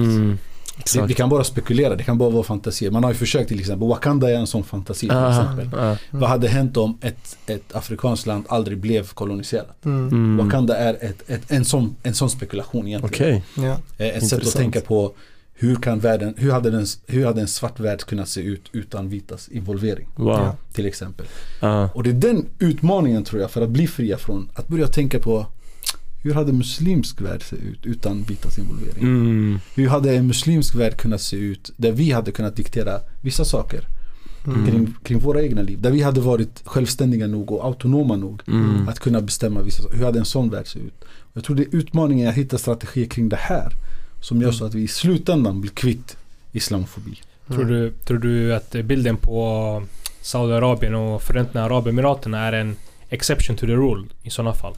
För de är jättelångt fram med teknologi och infrastruktur och... Fast vad är de för någonting? Ja men det jag menar, Ja. tror de är alltså inte är... Jag tror de är imitationer utav Europa. Du tror Mm. det? Ja, jag tror inte att eh, Alltså om du tittar på deras politiska system, om du tittar på hur de, hur de diskuterar politik. Mm. Eh, visst är de diktaturer, men de här diktaturerna är baserade på konstitutionella monarkier. Som kommer från europeisk eh, ideologisk Exakt. grund. Exakt. Mm. Så eh, de är en nationsstat. En nationsstat är en Mm. europeisk uppfinning. Exakt. Eh, så många av de här sakerna är väldigt europeiska. Så även om de är högteknologiska. Mm. Alltså vi har, eh, Pakistan är en eh, kärnvapenmakt till exempel. Indonesien är. Mhm. Eh, det betyder inte bara för att de har samma saker som Europa. Att de har en egen tidslinje. Utan de är på den här tidslinjen fortfarande. Och de tävlar med väst att vara bäst på tidslinjen.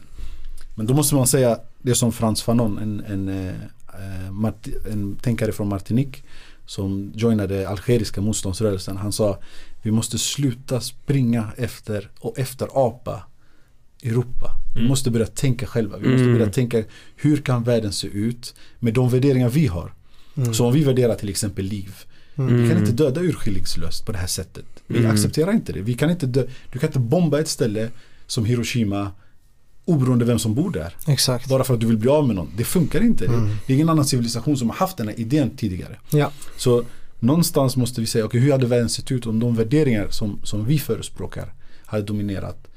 Hur hade en sån värld sett ut? Och börja arbeta för det helt enkelt. Och börja då prata med andra grupper. Jag sitter till exempel med i en grupp som heter The Colonial International Network. Där det är folk från Sydafrika, folk från Tanzania, folk från Sydamerika, från Puerto Rico, Costa Rica som sitter med, med sina egna idéer. Och där diskuterar vi, okej, hur skulle vi kunna skapa en värld där era och våra och allas idéer skulle kunna få plats. Där en värld kan rymma oss allihopa. Mm. Mm. Utan att en säger ni måste allihopa anpassa er och förhålla er till oss. Mm. Så jag tror där utmaningen ligger för att någonsin bli fria helt och hållet.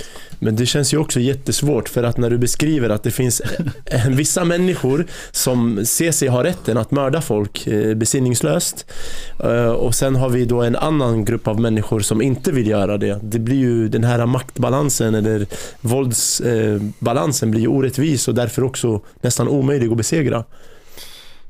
Det Alltså våld var- leder ju ändå till, vad ska man säga, det leder till många problem men våld löser också tyvärr problem. Ja, alltså självklart är våld nödvändigt. Jag tror att det är en av de sakerna, jag kan bara tala som konvertit, det var en sak som verkligen, när jag läste Malcolm X självbiografi exempelvis, han, han var väldigt tydlig med poängen om att Mashallah, liksom, Malcolm vi, X har konverterat många. Alltså. vi tror på självförsvar. Självförsvar är en nödvändig del Ja. av liksom mänsklig natur och en del av vår religion. Det är någonting vår religion förespråkar. Det här var någonting som tilltalade mig väldigt mycket. Mm. Ehm, men jag, jag skulle säga i allmänhet att um, jag menar om du tittar på det Amanj beskriver idag, vi har hur många muslimska nationsstater? 57 stycken. Om du tittar på all deras politiska och militära makt, vad har det i praktiken gjort för oss? Har det, har det i praktiken gett någon substantiv lösning för våra syskon i Palestina? Eller för Mm. andra syskon runt om i världen? Våra syskon i Kina, våra syskon i Indien, våra syskon i Kongo och andra delar av världen som förtrycks. Alltså, jag ser väldigt mycket liksom ehm, materiella medel, men det är återigen det här om att försöka hinna ikapp Mm, eh, exakt. västvärlden. Vi alla är i deras tidslinje. Ja, och jag vill poängtera en annan sak också som västvärlden har varit väldigt skickliga med. Jag är själv från västvärlden, jag är irländare, vi, vi passar inte riktigt in i den ehm, traditionella bilden av liksom folk och länder, alltså västvärlden. Vi har också varit koloniserade så vi har en, en större solidaritet med resten av världen. Men en sak som västvärlden varit väldigt duktiga på det är att dela upp genom kartografi, att dela upp eh, världar. Man pratar om the Arab world till exempel. Man pratar om Afrika som en plats, eh, väldigt känt. Mm. Jag åkte till Afrika, vart åkte du? Mm. Eh, man pratar om liksom olika delar av världen som Middle separata East, världar. East, och, Ja, det är Ja. nästan som att du reser till olika planeter. Mm. Och det här eh, leder också till eh, vissa stereotypa uppfattningar om de här platserna och hämmar ju också deras utveckling någonstans, ehm, skulle jag säga. Ehm, och jag tror att de samspelen som kan finnas, som är potentiella och som har funnits historiskt sett, är eh, mycket mer baserade på kulturella likheter, mycket mer baserat på värderingsmässiga likheter. Jag tänker exempelvis på Medelhavet. Personligen tänker jag på Medelhavet som en region där folk har väldigt liknande kultur. Eh, förvisso det finns kristna och det finns muslimer men man äter samma mat, man har liknande musik och danser och liknande. Det finns många kulturella likheter. Men när man pratar om Europa egentligen eller EU, vad har en grek gemensamt med en svensk på det sättet? ja, grek Vad har har det- mer gemensamt med en turk egentligen. Ja, eller ta ett mindre kontroversiellt exempel Ja. kanske. Men, är men ni förstår vad jag menar. Sätt, men alltså, deras Ja. politiska åsikter är väldigt Ja, ja precis, precis. Och jag, jag tror att ehm, det är någonting man också ska hålla i åtanke att Mm. det är dels det här med tidslinjen men också kartografi. Kartografi har varit extremt ehm, effektivt i att eh, skapa den värld som resten av oss ser. Och det är också någonting som har skett aktivt om man tittar på the, the land grab of Africa, alltså när Afrika delades upp mellan olika kolonialmakter och det var de som skapade gränserna vi ser idag. Eller. Sykes-Picot-avtalet i. Mellanöstern där man delade upp eh, Mellanöstern och skapade länder som aldrig existerat historiskt Mm. och, och delade upp liksom eh, det här är Syrien och det här är Irak och det här tillhör Mm. britterna och det här Just tillhör det. fransmännen och så vidare. Ja, och skapade nationsstaterna, för det fanns väl inte Mm. innan det särskilt utbrett i Mellanöstern i alla fall. Mm. Men hur, hur mår liksom den islam, muslimska världen idag? För nu har vi ju de senaste 150-200 åren nästan försökt komma ikapp hela tiden. Och det har inte hjälpt oss utan det har gjort allt typ ja, värre eller något. Så, eh, det, kolonialism, så om vi hade pratat Förut, förut så pratade vi att vi skulle prata, förut sa vi någonting om att vi skulle prata om den historiska relevansen för, eller den historiska beskrivningen utav islamofobi också. Jag tror att det är relevant i den här Ja. frågan. Ja. Eh, Så islamofobi, den moderna islamofobin som vi känner till det. Islamofobi har väldigt många rötter. Eh, Man brukar prata om att korstågen någonstans är, är eh, den ursprungliga europeiska roten någonstans. Men den moderna islamofobin som vi känner till den, den kommer ju till någon gång runt 1492. När Granada faller och eh, Reconquista sker då och blir Mm. fullt. Då Spanien och Portugal inkorporeras igen i, i det kristna Europa. Just det. Det vart en Kastiljen och eh, vilka som förenades? Det var en kung och en drottning Eh, som... Kung, kung Ferdinand och drottning Isabella. Isabella, det. Ja, Kastiljen och jag kommer inte ihåg vad den andra. De Mm. blev en union och de återerövrade Granada. Eh, och 1492 då så faller den sista muslimska kungadömet i Granada. Mm. Eh, det här är januari. Vad hände samma år? I december? Columbus upptäcker Amerika. Mhm. Eh, och varför det händer under samma år är för att Columbus kommer till Ferdinand och Isabella och säger att jag vill ha pengar för den här expeditionen. Men då, säger, eh, då svarar eh, de att eh, först måste vi besegra muslimerna. När vi har besegrat dem så får du pengarna. Mhm. Eh, Och de idéerna som dominerar då under den här tiden. Så vad som händer är att de besegrar muslimerna och så ser de, så judar och muslimer fanns. Eh, Mm. så muslimer och judar hade, och kristna hade funnits i det här området under muslimstyre eh, nästan 800 år. Eller hur? 800 år. 800 år ja, cirka. precis. Eh, 800 år. Och då eh, säger man till, då säger de kristna till judarna och muslimerna att ni har två val. Antingen konverterar ni eller så sticker ni härifrån. Eller så. Mm. Det är de två Det första. lite, det kom lite senare. I början så hade de rätt att behålla sin religion. Den, en liten tid, det var en liten Mm. period. Men det var Det var främst... Filip den andra som gjorde kaos. Filip den andra kungen, Filip den andra. Ja, Han hade sjuka regler. Han bara ni måste konvertera eller måste lämna. Mm. Mm. Och sen var det dödsstraff om Dödsstraff, du inte exakt. lämnade. De hade regler som till exempel eh, alla dörrarna på fredagar måste vara öppna. Mm. Eh, Mm. han, han gav en sjuk lag Mm. som han personligen gav en sjuk lag som var förstör alla, alla toaletter och badrum. Både om de är offentliga eller Ja, får man privata. tvätta sig? Han bara nej jag vill inte ha sånt här Det muslimskt. var Han, Tvätta. precis, Sjuka. muslimsk, muslimskt det. inflytande att Sjuka. ha Ja, det var gradvist. avloppssystem Det var gradvist. Först Exakt. de, de var tvungna att konvertera.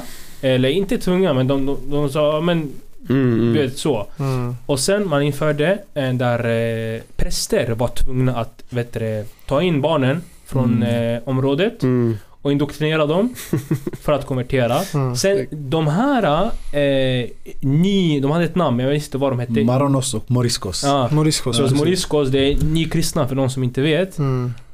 De var tvungna sen att lämna sen för de var inte tillräckligt kristna. Deras, Ja, deras ja, blod var inte rent. Det Exakt. var argumentet att de hade konverterat till kristendomen men de ansågs inte vara rena, Ah. rasrena. Och det är Så- härifrån, Så för varje kung det vart värre och värre. och de var Varje mörka. kung som Så- kom in i makten vart värre och värre. Okej.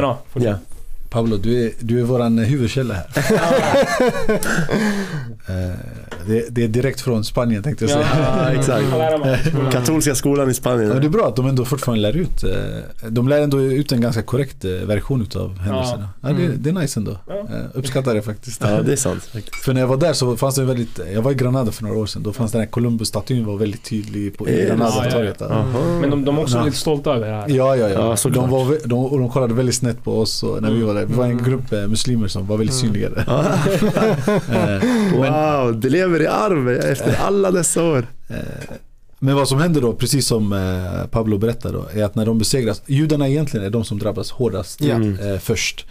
Så Mm. eh, de antingen konverteras eller lämnas eller så dödas. Nästa, alltså de, är, de, de Ja, drabbas först ja. utav, utav Hussam gick ju in på det förra avsnittet att det fanns den här idén om att ni dödade Kristus, ni dödade Gud. Just Liksom, så att det. det fanns, de var ju verkligen syndabocken i Mm. det medeltida Europa av den anledningen. Många av korstågen, alltså på väg ner mot eh, Levanten, på väg ner mot Mellanöstern så slaktade man judar i stora antal. Mm, mm. Eh, förlåt, jag Nej det var spårar. det, det är helt rätt. Det är viktigt att den här historien berättas. Eh, Mm. Jag tror att det, vi får inte lära oss det i skolan direkt. Nej. Nej, det är sant. Eh, Så, så eh, de judar som konverterar kallas då maranos. Det betyder små judar. Eller på något sätt, precis som du sa, nykristna. Det är ett ord för. Och anledningen till att man kallar dem då inte kristna utan maranos är för att man inte anser dem vara eh, ren, eh, deras blod är inte rent. Ja. För att det inte är fött kristet. Eh, Eh, och i början så accepterar man dem. Sen judarna accepteras inte överhuvudtaget, precis som Pablo var inne på alls. Då ser man att det spelar ingen roll om ni har konverterat, ni får sticka härifrån. Muslimerna däremot, de utgjorde en, eftersom de var styrande tidigare, så hade de ju också väldigt många av institutionerna. Och de var väldigt inbäddade i det arbetslivet och näringslivet. Vilket gjorde så att de på något sätt var tvungna att vara kvar under en längre period. Eh, för att de annars skulle, den, ekono, den ekonomiska kraften skulle annars eh, raseras. Eh, Men de kallades då moriscos, för de tvångkonverterades också. De tvångkonverterades också. Eh, Och i samband med den här tvångskonverteringen var de också inte renblodiga. Mm. Och därför kallades de moriscos istället för eh, eh, för, för, nej, istället för kristna. Mm. Eh, och då, då kommer det här ordet raza till. Som är då begynnelsen till den moderna förståelsen av ras. Mm. Att det här blodet kopplat till blodet och kopplat till heritage här fram. Och det är det ordet som i sin tur då bygger eh, den moderna eh, rasismen eh, som då kolonialismen tar med sig ut i världen. Och det som händer då när Columbus kommer till eh, det som kallas Amerika idag till ursprungsbefolkningarna där det är att eh, det kallas eh, de har faktiskt ett namn för det själva eh, i, eh, i Sydamerika eller Amerika så kallar de Amerika har ett annat namn, förlåt att jag inte minns det nu. Det var lite dåligt av Ah, mig. alltså du menar av the Abia, indigenous? Abia, Abia, Yala? tror jag det kallas. Alltså av urbefolkningen? Exakt, de kallar det inte Amerika. Aha. Amerika är ju det eh, europeiska namnet Mhm. baserat på den italienska Wow, upptäcktsresan okej. Amerigo. Mm. Eh, och då när han kommer dit så tar han ju med sig de här idéerna om rasa Mm. till det nya landet. Och då när han märker ursprungsbefolkningarna då ser han direkt dem. Då aktiveras den här insocialiseringen av idéerna om ras. Att de här är mindre människor än oss. Och därför Mm. kan vi utplåna dem. Därför kan vi erövra platsen. Och så kommer Jävla psykfall mannen. Fuck, fuck, vem Alltså, tänker så? nu- Vart är han? Vem tänker så? det är- Vi hittar han Det är mannen. medeltiden bror. Nu kom- Ja, i och för jag, jag, komprim- Folk tänker så idag. Vi är Netanyahu-grabbarna, vi ser vad de gör. Ja, jag komprimerar nu historien extremt Absolut, mycket. Så jag förstår det. Ja. Det, det, det är en liksom längre politisk händelse som Och för sker. den som vill, det är bara att djupa sig i ämnet liksom. Ja, alltså i slutändan eh, så, så ursprungsbefolkningar det är eh, mellan 80 till 100 miljoner människor som dödas. Ja. Eh, så det blir i princip en, en, en total eh, förintelse utav Över massa år. Jag vill för tittarna, över många år. Vart det- inte, Ja. Inte, det här Ja. hände inte på ett år. Så. Nej, och det och man är många orsaker. Dels Ja. dödas de, men dels är det sjukdomar. Ja. Mm. Eh, Man fråntar dem mark, liksom näring, Mm. mat, de förslavas många av dem. Eh, så det är väldigt mycket som sker, eh, precis som Pablo säger. Jag ser, för vissa de gillar att vara du vet, petiga i kommentarerna. Eh, Just det. vet. Ja. Det här utspelar sig faktiskt över 200 Exakt, år. de Det kanske var exakt- någonting ni glömde Ja, poängtera. så Ja, jag fattar. Ja, ja, okej. Och vad händer samtidigt då? Det är att européerna också åker till då eh, Afrika och börjar då behöver arbetskraft Mm. till eh, sina plan- ja, eh, man, man liksom knuffar bort ursprungsbefolkningen och då behöver man arbetskraft för att bearbeta de här plantagerna och sånt. Pumpa resurser. Och då hämtar man då arbetskraften i form av slavar från Afrika. Mm. Västafrika mer specifikt. eh, specifikt Eh, varav ungefär 30% beräknar man är av muslimsk härkomst. exakt. Ungefär. Och det finns ett antal, nästan alla slavuppror som har varit har haft någon slags muslimskt element i sig. Det mest kända är Bahia i Brasilien där en Mm. grupp muslimer då gör motstånd. Eh, planerar i hemlighet eh, ett, upp, ett uppror, gör upproret. Eh, det här är 18, runt 1830 om inte jag minns fel, årtalet. Mm. Mm. Och när de då gör det här upproret Det slås ner väldigt snabbt, självklart. Det här är slavar som har väldigt begränsade resurser och knappt kan ta, få fram vapen. Och när det väl slås ner så, så går man ut i, i sen då i media, polismästaren går ut i media på den tiden. Och vad är förklaringen till att de har gjort uppror? Är det att de har varit slavar? Är det att de vill bli fria? Får jag gissa? Nej, det är för jag- att de är fanatiska. Ah, jag, Så det är det jag, skulle, begreppet till och med han använde, det brasilianska eh, polismästaren. Då. jag trodde han skulle referera till djur av något slag. Det, det är egentligen vad de ser som. Alltså, Ja. Det fanns ju till och med sjukdomstillstånd som man tillskrev slavar som rymde i USA. Det fanns en läkare, kanske inte var så här utbrett fenomen, men det fanns en läkare i alla fall. Eh, Katomeres hette han. Han, eh, han diagnoserade slavar som rymde med att lida utav drapetomani. Okej. Det är eh, den bristande förståelsen att man som slapp, som, den bristande förståelsen att man som svart borde vara slav. Var han doktor? Han var läkare och han då skick, gjorde den här diagnosen på. Så, så vet jag inte om han var den enda eller om det var en större utbredning. Men att man då det, det, gav den här diagnosen till Men svarta. att sådana idéer kommer upp ändå, det är sjukt. Ja men bror Jomshoff, han är på gränsen till att ta den här idén och sälja in den till samhället alltså. Men- men han, är, han, är, också han är en tröskel ifrån brorsan. Han väntar bara på att eh, tillräckligt många ska klappa hans rygg så han kommer komma och säga sådana här saker. Men Pablo, det här handlar också någonstans att man har då avhumaniserat de här människorna. 100%. Ja, Till den graden att man, alltså det här är så Att sunt. sånt Det här här, kommer upp. sånt här överhuvudtaget kan komma upp. Ja. Att det, du flyr inte för att du vill bli fri, för att du inte vill vara slav, utan det är för att du inte fattar att du borde vara slav. Alltså, wow. Förstår du? Ah bror, va? Så, så, så det, den här grunden ligger till den mod- moderna islamofobin Mm, mm. eh, så som vi känner till den idag. Det är de här idéerna Mm. kring ras, kring muslimer, Mm. eh, kring muslimer som ett hot och som, som en fiende. För att samtidigt som det här sker i då Andalusia, eh, Osmanska riket håller på att gå framåt i andra änden. Mm. Så vad som händer är att man då besegrar muslimerna å ena kanten, aktiverar rasidéer, koloniserar liksom Afrika Mm. stora Mm. delar. Samtidigt som man har muslimer fortfarande som ett hot på andra sidan. Då blir muslimen det här hotet som man måste Mm. hela tiden Mm. besegra, kontrastera sig Mm. mot, eh, Mm. på olika sätt eh, Mm. förgöra. Än idag. Exakt. Du har ju också en bestämmelse runt den här perioden från den dåvarande påven, jag tror han hette Innocent någonting. Han kommer ut med en bestämmelse om att eh, Portugal, för eh, det är ju katoliker som förhåller sig till påven då, då. han pratar ju inte om protestantiska eh, länder som England exempelvis, som blir protestanter under den tiden. Men du har ehm, allting till väst tillhör Spanien och allting till öst om en viss breddgrad tillhör Portugal. Mm. Och det är under den här perioden som du ser Portugal börja kolonisera delar av Indien och de börjar ge sig ut i Indiska oceanen. De hamnar i många strider med Ottomanska riket också om territorium, Etiopien exempelvis. Ehm, medan Spanien då koloniserar mer av den västra, väster om Atlanten då, det är liksom Mexiko hela vägen ner. Mm. Eh, även delar av ehm, delar av det som idag är USA, alltså delstater som Texas exempelvis, allt det där tillhörde ju spanjorerna ursprungligen och sen var det delar av Mexiko som sen togs, av, togs över av USA. Mm. Men vad heter det, jag skulle säga, nu när du har förklarat lite om kolonialismen och europeers liksom, jakt ut i världen så skulle många komma och svara dig och säga men muslimer har också kolonialiserat och är inte heller oskyldiga och har också dödat och, och, så, och stulit och så vidare.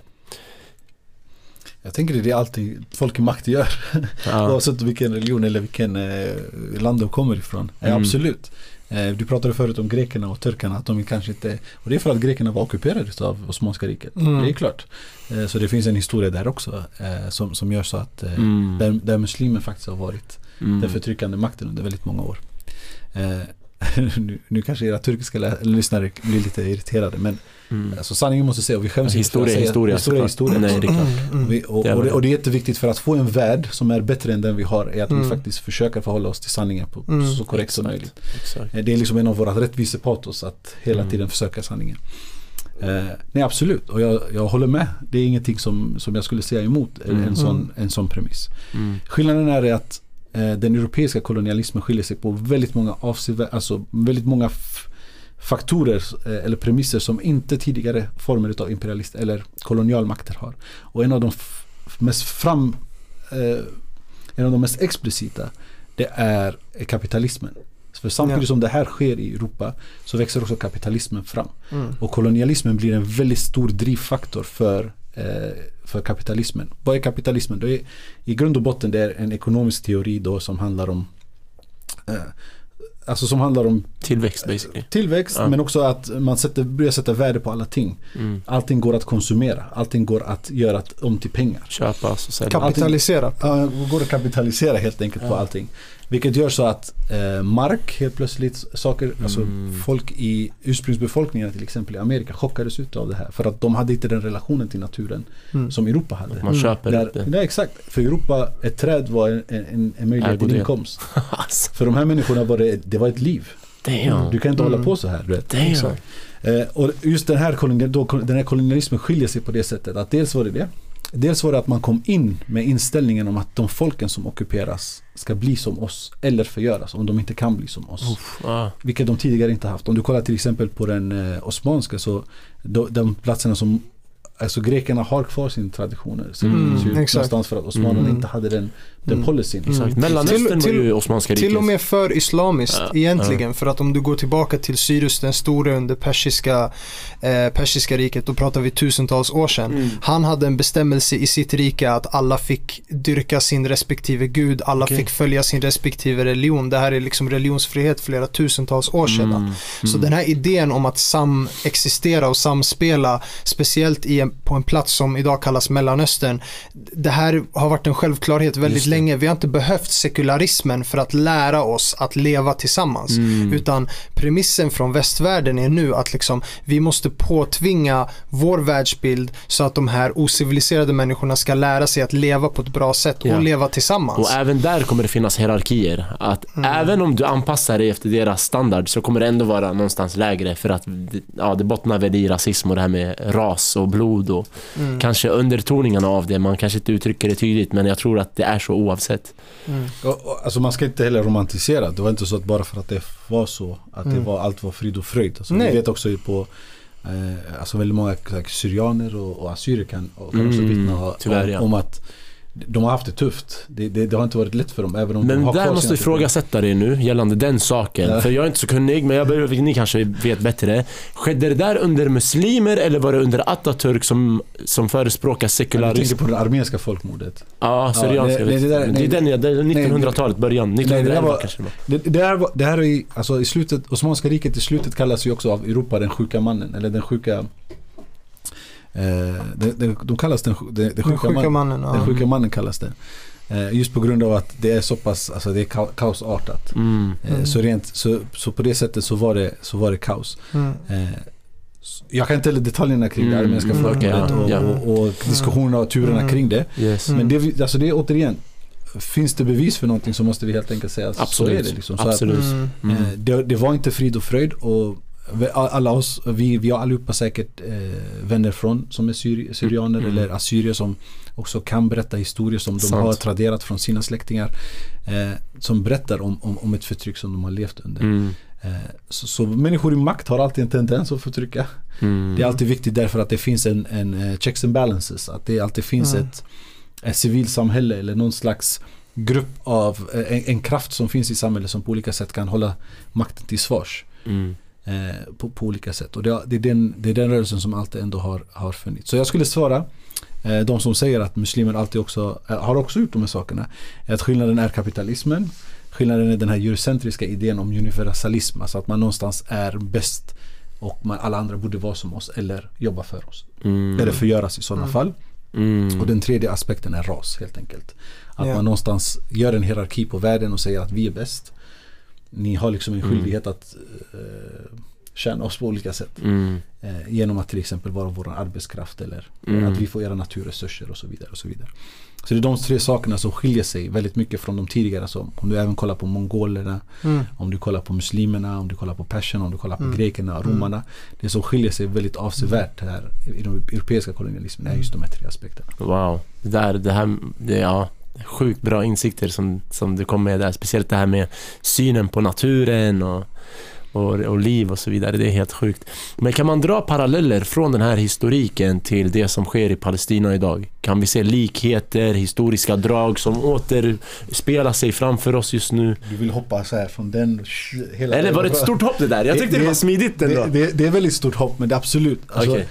eh, syftet med att ta upp den historiska beskrivningen är just Ja. att visa att eh, alltså, med kolonialismen och den moderna islamofobins utbredning Mm. så skapas också en stark avhumaniseringsprocess. Där Mm. man börjar tillskriva människor som man kallar orientaler.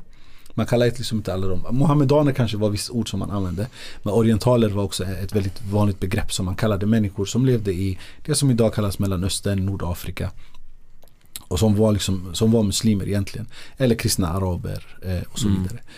Eh, och då, då skapas en extremt stor avhumaniseringsprocess där man tillskriver de här människorna alltså, lägre människovärde, Mm. man, man framställer dem i, i europeisk press. Eh, vilket gör så också att pressen blir så stor på de här länderna att de hela tiden börjar att svara och försöker att rätt, alltså rätta till den här bilden, rätta till de här idéerna. Eh, och det är väldigt svårt.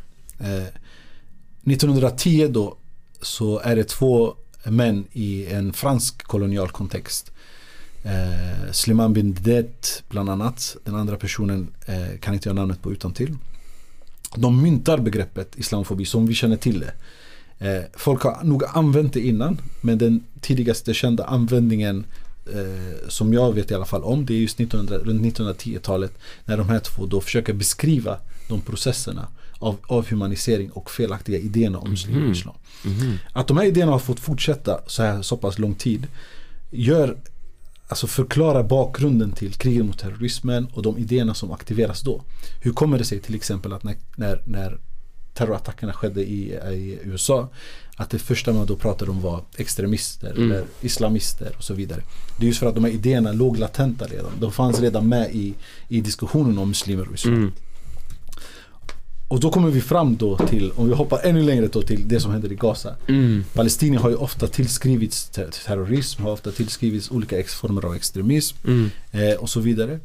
Eh, och de här idéerna ser vi nu aktiveras. Man pratar inte om att det är Israel säger inte att de bekämpar eh, palestinier. De säger att de bekämpar terrorister. Mm. Så de här idéerna om muslimen som fanatisk, som våldsam bygger på den här lång, långa historien om muslimen som ett hot. Muslimen som måste besegras. Mm. Eh, och Israel har varit väldigt, väldigt duktig på att eh, dels repetera det här narrativet. Utnyttja kriget mot terrorismen som har skett under dessa år för att tjäna sitt syfte. Men också att finansiera Så Israel är en av de största finansiärerna av europeisk och västerländsk islamofobi. Genom Ja. att man till, ger pengar till exempel då till olika tankesmedjor och, och, och så vidare. Mm. Och finansierar väldigt många eh, av dem som eh, eh, Det finns en väldigt bra rapport, eh, Islamophobia Inc. Eh, bland annat som har getts ut av Center for American Progress. Eh, som kartlägger de här aktörerna i en amerikansk kontext. Eh, och sen har du en bok av Nathan Lean som heter Islamophobia Industry som också säger han, han, han skriver rakt ut att det går inte att tala om eh, eh, det går inte att tala om islam, islamofobi utan att tala om sionismen egentligen. Wow. Eh, de hänger så pass mycket ihop. Wow. Och vi ser att de här idéerna nu reproduceras. Mm. Alltså till den graden att man kan mörda barn. Mm. Om man rättfärdigar det. Och man säger att, alltså någonstans, det man inte säger. Va- varför vi accepterar att, inte vi då, Mm. utan att samhället då accepterar, någonstans de här nationerna. Mm. Eh, för folket uppenbarligen accepterar inte det. Det är så mycket folk ute som protesterar till, till för att stå, få stopp på kriget. Mm. Vad de här nationerna gör är att indirekt säga vi kan mörda de här barnen för de här barnen kommer växa upp till att bli terrorister i framtiden. Mm. Ja, Så det det. här bakgrunden, alltså det, det, den ligger någonstans. De säger inte det rakt ut. Vissa har Men- sagt det rakt ut, jag har sett. Ja, absolut, Mm. det kan jag absolut Ja. tänka mig. Mm. Men när man använder de här kodorden, självförsvar, eh, det är som hundvisslor. Man, man, vill, man, kan inte, man vet att man inte kan säga det för man annars anses vara en ond människa, Mm. en dålig politiker, en dålig diplomat det, och så just vidare. Så hittar man på alla de här andra begreppen som alla vet vad det innebär. Ja, de vill utplåna mig. Och man någonstans gör det här tvärtomspråket. Det här tvärtomspråket Ja. är väldigt viktigt för rasismen i allmänhet. Eh, vi såg det också i samband med Black Lives Matter. De bara All Lives Matter. Mm. Eh, och man använder det här tvärtomspråket någonstans hela tiden för att slå ner på motståndsrörelser. Rörelsen, okej. Mm. Wow. Så det ser vi också, det är det som sker i Gaza. Att den här långa, långa historien av avhumanisering aktiverades extremt snabbt. Fick eh, till den graden att det blir absurda diskussioner. Ja, Alltså, att, tänk att du behöver förklara 2023 att barn inte ska dödas. det är Och det, det är ett debattämne. Ja. Ulf Kristersson sa häromdagen i, i riksdagen när han fick en fråga. Vi kommer inte begära, uh, uh, inget europeiskt land kommer begära att Europ, eh, Israel ska göra eldupphör. Utan vi vill att de ska ha humanitär paus. ja, ja. Ceasefire nämns inte. Alltså det här, är, vad han säger bokstavligen det är att Fortsätt döda, fortsätt döda. men ge dem också lite medicin då och då. Ja, det är helt sjukt. Och det bygger på den det hade aldrig kunnat accepteras. Eller det kunde aldrig kunnat vara ett giltigt argument överhuvudtaget. Om inte det hade föregått av den här långa historien utav Eh, att tillskriva muslimer ett lägre människovärde, ett hotfullt människovärde eh, och någonting som förtjänar att besegras. Men vi har ju ändå vuxit upp här i Sverige och gått i det svenska skolsystemet och där vi har lärt oss att eh, alla människor är lika mycket värda oavsett utseende, religion så är vi i grund och botten, spelar ingen roll, vi är lika mycket värda. Hur kan man då ha vuxit upp i den här läran men ändå sen sitta och rättfärdiga sådana här saker? Det här är, jag vet inte, kallas det kognitiv dissonans? Eh, det måste nog vara det. Ja, Men, men eh, Ali, jag kan, jag kan försöka reflektera på den här frågan genom en fråga till dig. okej. När ni var yngre, yngre brukade ni så måla så här under FN-dagen, så här fredsbilder och så. Mm, flaggor och När ni målade människor, vad målade ni? mörka människor, typ. Alltså, Hand i hand med ljusa hand i människor. hand och fredstecken och flaggor och blommor och solar. Det är sant. Har du någonsin sett det här i en vit skola? I en vit skola. Mm. Där de eleverna är majoritets vit, vita svenskar. Jag tror, det är väl samma Sverige vi lever i med samma skolsystem eller?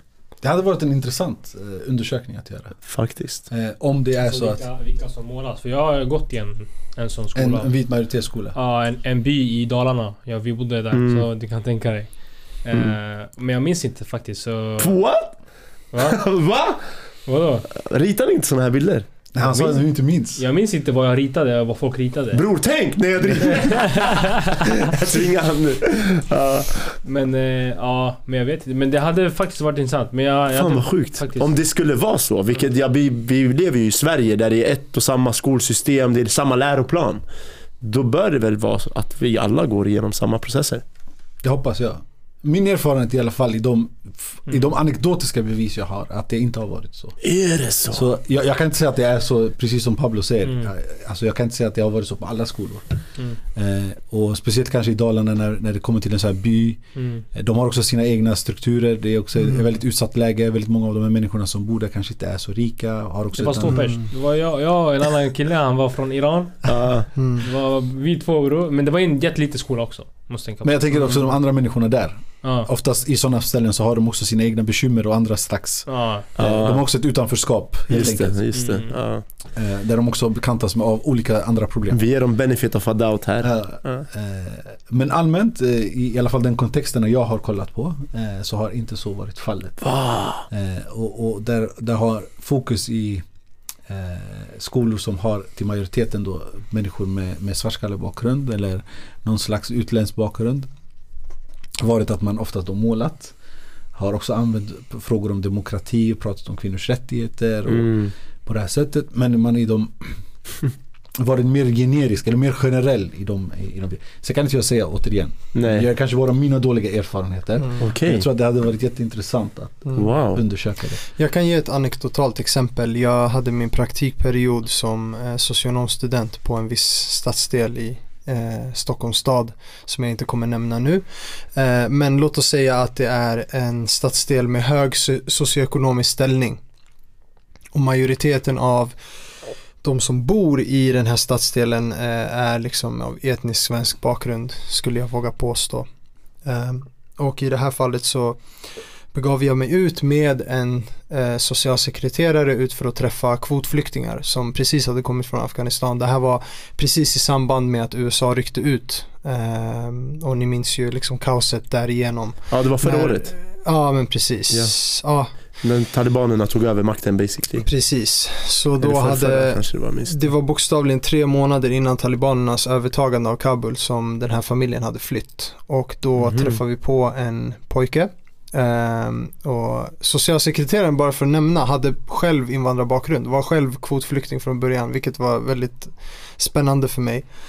Så eh, när vi träffar personen och vi frågar liksom, vad är dina intressen liksom, med hjälp av tolk. Så det, det jag får höra är att eh, personen är intresserad av att eh, han gick på kampsportsklubb i, i hemlandet och läste Koranen. Det här är Mm. de två uttryckliga intressena som nämns. Wow, kan personen, i fråga, personen i fråga nämner endast det här med kampsportsklubben, nämner endast liksom tillgängligheten till det. Och eh, eh, har liksom en, en, en premiss som kommer ut i att eh, personen säger att ja men på våra kampsportsklubbar i Sverige där är det män och kvinnor som tränar tillsammans. Så det finns en premiss av att jag behöver indoktrinera liksom jämställdhet in i dig Mm. för att du ska kunna interagera i det svenska samhället. Du har liksom inte, det är ingenting som du ska lära dig själv utan jag måste, jag måste visa dig hur det ska gå till, Mm. hur du ska agera, hur du ska finnas till i det svenska samhället. Det är uppenbart att det finns en premiss där. Mm. Men kan jag få fråga, stämmer den här premi- premissen någonstans delvis? För vi har ju också hört exempel om de här äh, flyktingarna som ställde till med kaos på festivaler och tafsade Mm, och ofredade mm, kvinnor mm. och sådär. Så kan det vara liksom baserat på den historiken som den här äh, personen Alltså vi kan på titta på statistik kring det men jag skulle våga påstå att eh, majoriteten av alla våldsbrott, eh, särskilt eh, av sexuell natur, eh, är ofta kopplade statistiskt till konsumtionen av alkohol och andra droger. Mm. Eh, och det är, en, det är en faktor som man inte lägger in i det här för att man Mm. pratar ofta om muslimer som våldtäktsmän, muslimer som eh, ger sig på kvinnor och så vidare. Men alkohol är totalförbjudet i vår religion. Det är förbjudet att Exakt. konsumera alkohol för att bli berusad. Alltså du Mm. får inte vara berusad. Så eh, jag skulle våga påstå att hela, den här, hela det här narrativet eh, har mycket att göra med att eh, man vill tillskriva vissa handlingar till Mm. personer med den här bakgrunden eh, och eh, koppla det till deras bakgrund snarare än att koppla det till att de är egna människor med agens som liksom agerar i ett Mm. samhälle precis som alla andra. Just det. Eh, man, det är intressant hur den här kopplingen mellan islam och våldsbrott har, ja. har skett de senaste åren i Sverige Ja. vilket det är så här återigen det här är det här är bara någonting man har kommit på ur, ur luft. Det finns Ja, inga fysiska bevis för att det finns någon slags Nej, koppling. mellan att bryta lagen. till... Ja, att bryta lagen till att börja med som muslim, men dessutom att göra det på ett våldsamt sätt. Liksom. Det, Mm. Lite svår, jag har lite svårt för att se vart folk får det här ifrån. Det, det Mm. verkar som att det finns en, en vilja att få igenom ett visst, eh, en viss uppfattning om muslimer. Mm. Eh, Men vad tror ni, förlåt Pablo, hade du ja, något? Ja, alltså vad ser ni till folk till exempel som säger ja men eh, Islam det, det, det har enkelt för, för att leda till extremism. Och nu, det säger inte att jag säger så här för mm, i USA Argument, alltså. Mm. I USA det har Mm. bombats eh, Mm. abortcenter från kristna Så Mm. kallade kristna Mm. extremister och, och, och de har sprängt upp och pepprat gayklubbar och sånt. Det har Mm. skett- i Mm. USA. Det lyfts inte lika mycket men det, har, det sker. Hinduisk, hinduisk nationalism just nu i Indien där muslimer och kristna har lynchats och eh, Mm. råkat ut för massor med Mm. typer av extremistbrott eh, Exakt. i den kontexten. Men, men, men för, för de som inte är så insatta kanske och, och följer SVT och TV4 och sånt där och ser Dygnet runt. eh, och ser eh, terrordåd i, jag vet inte, nyss var Bryssel, det hände någonting. Mm. Men också vi har haft i Stockholm. Mm. Vi har haft, det fanns en, en våg. Frankrike har drabbats och lite olika... och sånt där. Mm. De säger, ja men vi ser här att det, det liksom, var- varför är det bara, varför ser inte liksom kristna extremister gå runt och spränga upp sig själva i Men luften? de har ju mördat en miljon civila i Irak. Mm. Ja, nej men... Nej, nej, jag vet, jag vet, jag vet, jag vet, jag menar, hör dig. Men alltså, du, Ibland, du, de, till de och med, i vad som händer i Irak. Till och med, tänker Ja, bland ja. Våra, alltså, våra gator. Jag hör dig Men exakt. till och, med, till och med när det har varit Ja. icke-muslimska extremister som exempelvis Baruch Goldstein i eh, Israel, ni kan kolla upp honom. Han gick in i eh, moské, den stora moskén i Hebron, Khalil-moskén och Mm. pepprade ihjäl f- flera personer som, eh, i bön på 90-talet. Man tillskrev inte det till judendomen, hans handlingar, Mm. trots att han var en ortodox praktiserande jude. I fallet med en, eh, en kristen man med, med ursprung från Syrien som utförde en knivattack i Frankrike för några år sedan. Han hette Abul Mesih i efternamn. Han hette bokstavligen slav till Messias, alltså han var, han var kristen syrier. Eh, men du hade Ja, personer som. Uh, Abdul Mesih, förlåt. Uh, Du hade personer som Robert Spencer som är en Ja. känd islamofob. Han, han eh, fortsatte skriva artiklar där han liksom hade den här konspirationsteorin om att nej, nej, nej, nej han är inte kristen. Han är muslim Han är muslim men han, han låtsas vara kristen medan han gör de här dåden. Wow. För att han försöker demonisera Det är kristendomen. oacceptabelt För att, att- någon annan än en muslim skulle göra något sånt. Exakt. Ah, såklart. Ja, Okej. eh, men, men Amanj, du kanske vill lägga till någonting här? Eh, Jag tycker det är en jättebra fråga för att det, jag tror att det är så de flesta, alltså återigen den strukturella islamofobin gör så att vi tänker på det här sättet. Mm. Eh, Jag skulle säga eh, flera saker. En, en, en, en, en av de sakerna är att när muslimer begår våldsbrott så härleder man alltid det till islam och någonstans behöver man ifrågasätta det. Är det på grund av islam den här personen gör det? Och i så fall om man säger ja men uppenbarligen så är det jättemånga muslimer som gör det här. Så, men då är frågan varför andra muslimer inte gör det och de här muslimerna gör det. Någonstans betyder det att det finns en det är inte, alltså slutsatsen följer inte premissen. Ja. För att om det var så att islam förespråkade då hade fler muslimer gjort de här sakerna helt enkelt. Men vi ser att fallet inte är så. Utan tvärtom, majoriteten är inte så. Det är en minoritet som är så. Det är det första. Det andra är att vi ser väldigt många våldsbrott gjorda utav eh, andra. Bara idag dömdes, igår förlåt, så dömdes en 16-årig kille i Göteborg för han hade planerat en skolattack i Göteborg. Eh, eh, och de hittade då ett manifest hos honom.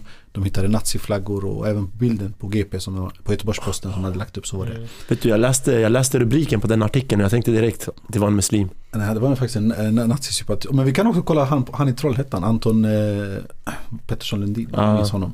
2015 när han gick in i Trollhättanskolan.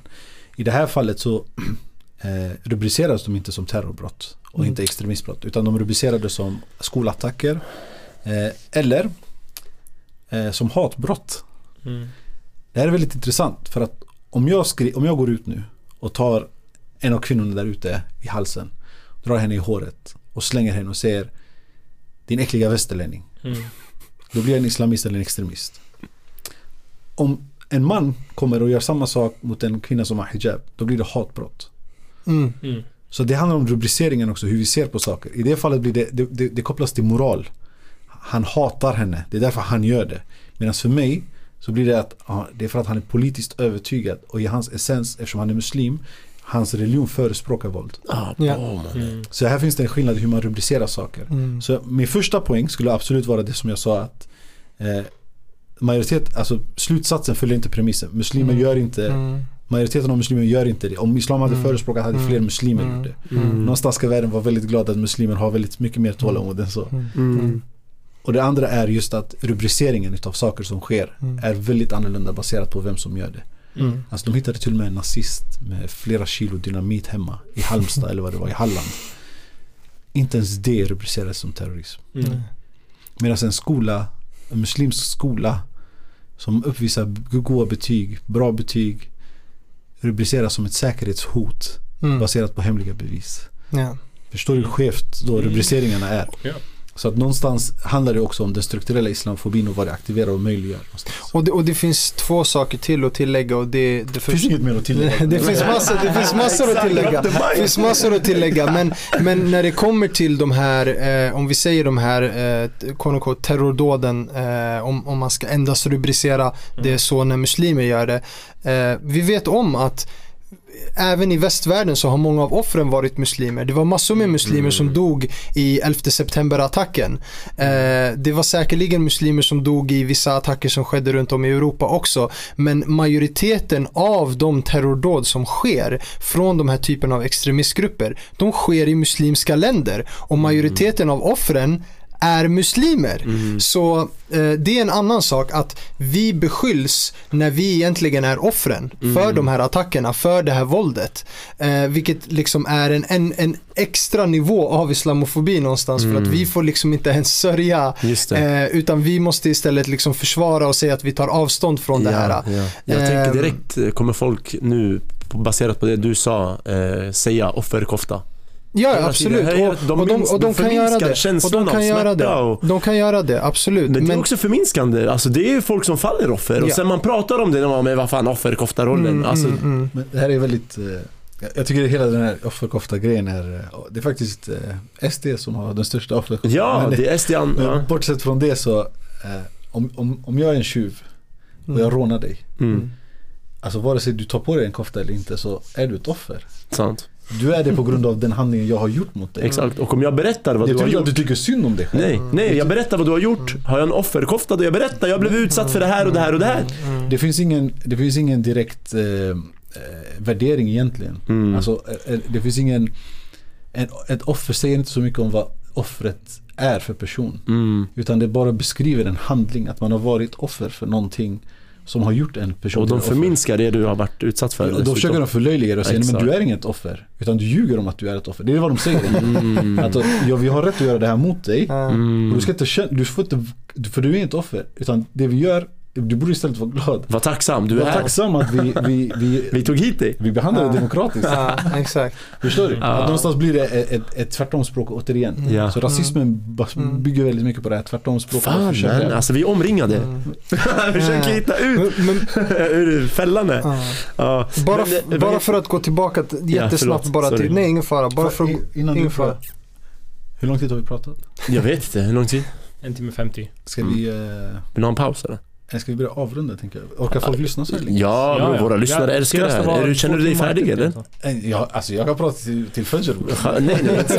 Vi pratar, vi gör som annars, vi delar upp det i två delar. Det- nej, kör hela. De det, älskar det, det, det, här. är ingen fara, kör, kör, Ja, kör. ja, ja. Tänk inte på det. Nej men bara en snabb poäng angående det här med, är det islam som motiverar de här attackerna? Jag tycker att det ändå är viktigt att nämna. Ja. Så eh, Robert Fisk, vi diskuterade honom på vägen hit. Eh, han intervjuade Osama bin Laden. Eh, han fick möjligheten att göra det. Ehm, och när han eh, förberedde sig inför intervjun med honom så läste han på hadither från profeten Muhammed Mm. sallallahu alaihi wasallam. Eh, alltså hadither är då rapporteringar från hans liv som är externa till Koranen men vi, de som är autentiska av dem tar vi också som uppenbarelse. Eh, och bland dem så finns det exempelvis bestämmelser om krig. Alltså krigsfångar måste få samma mat som dig, du får Ja. inte döda icke-kombatanter, du får inte alltså inrikta dig för att orsaka skada på icke-kombatanter, du får inte göra illa präster, munkar och så vidare, kvinnor, barn. Det finns massor med bestämmelser uttryckligen i profetens uttalanden.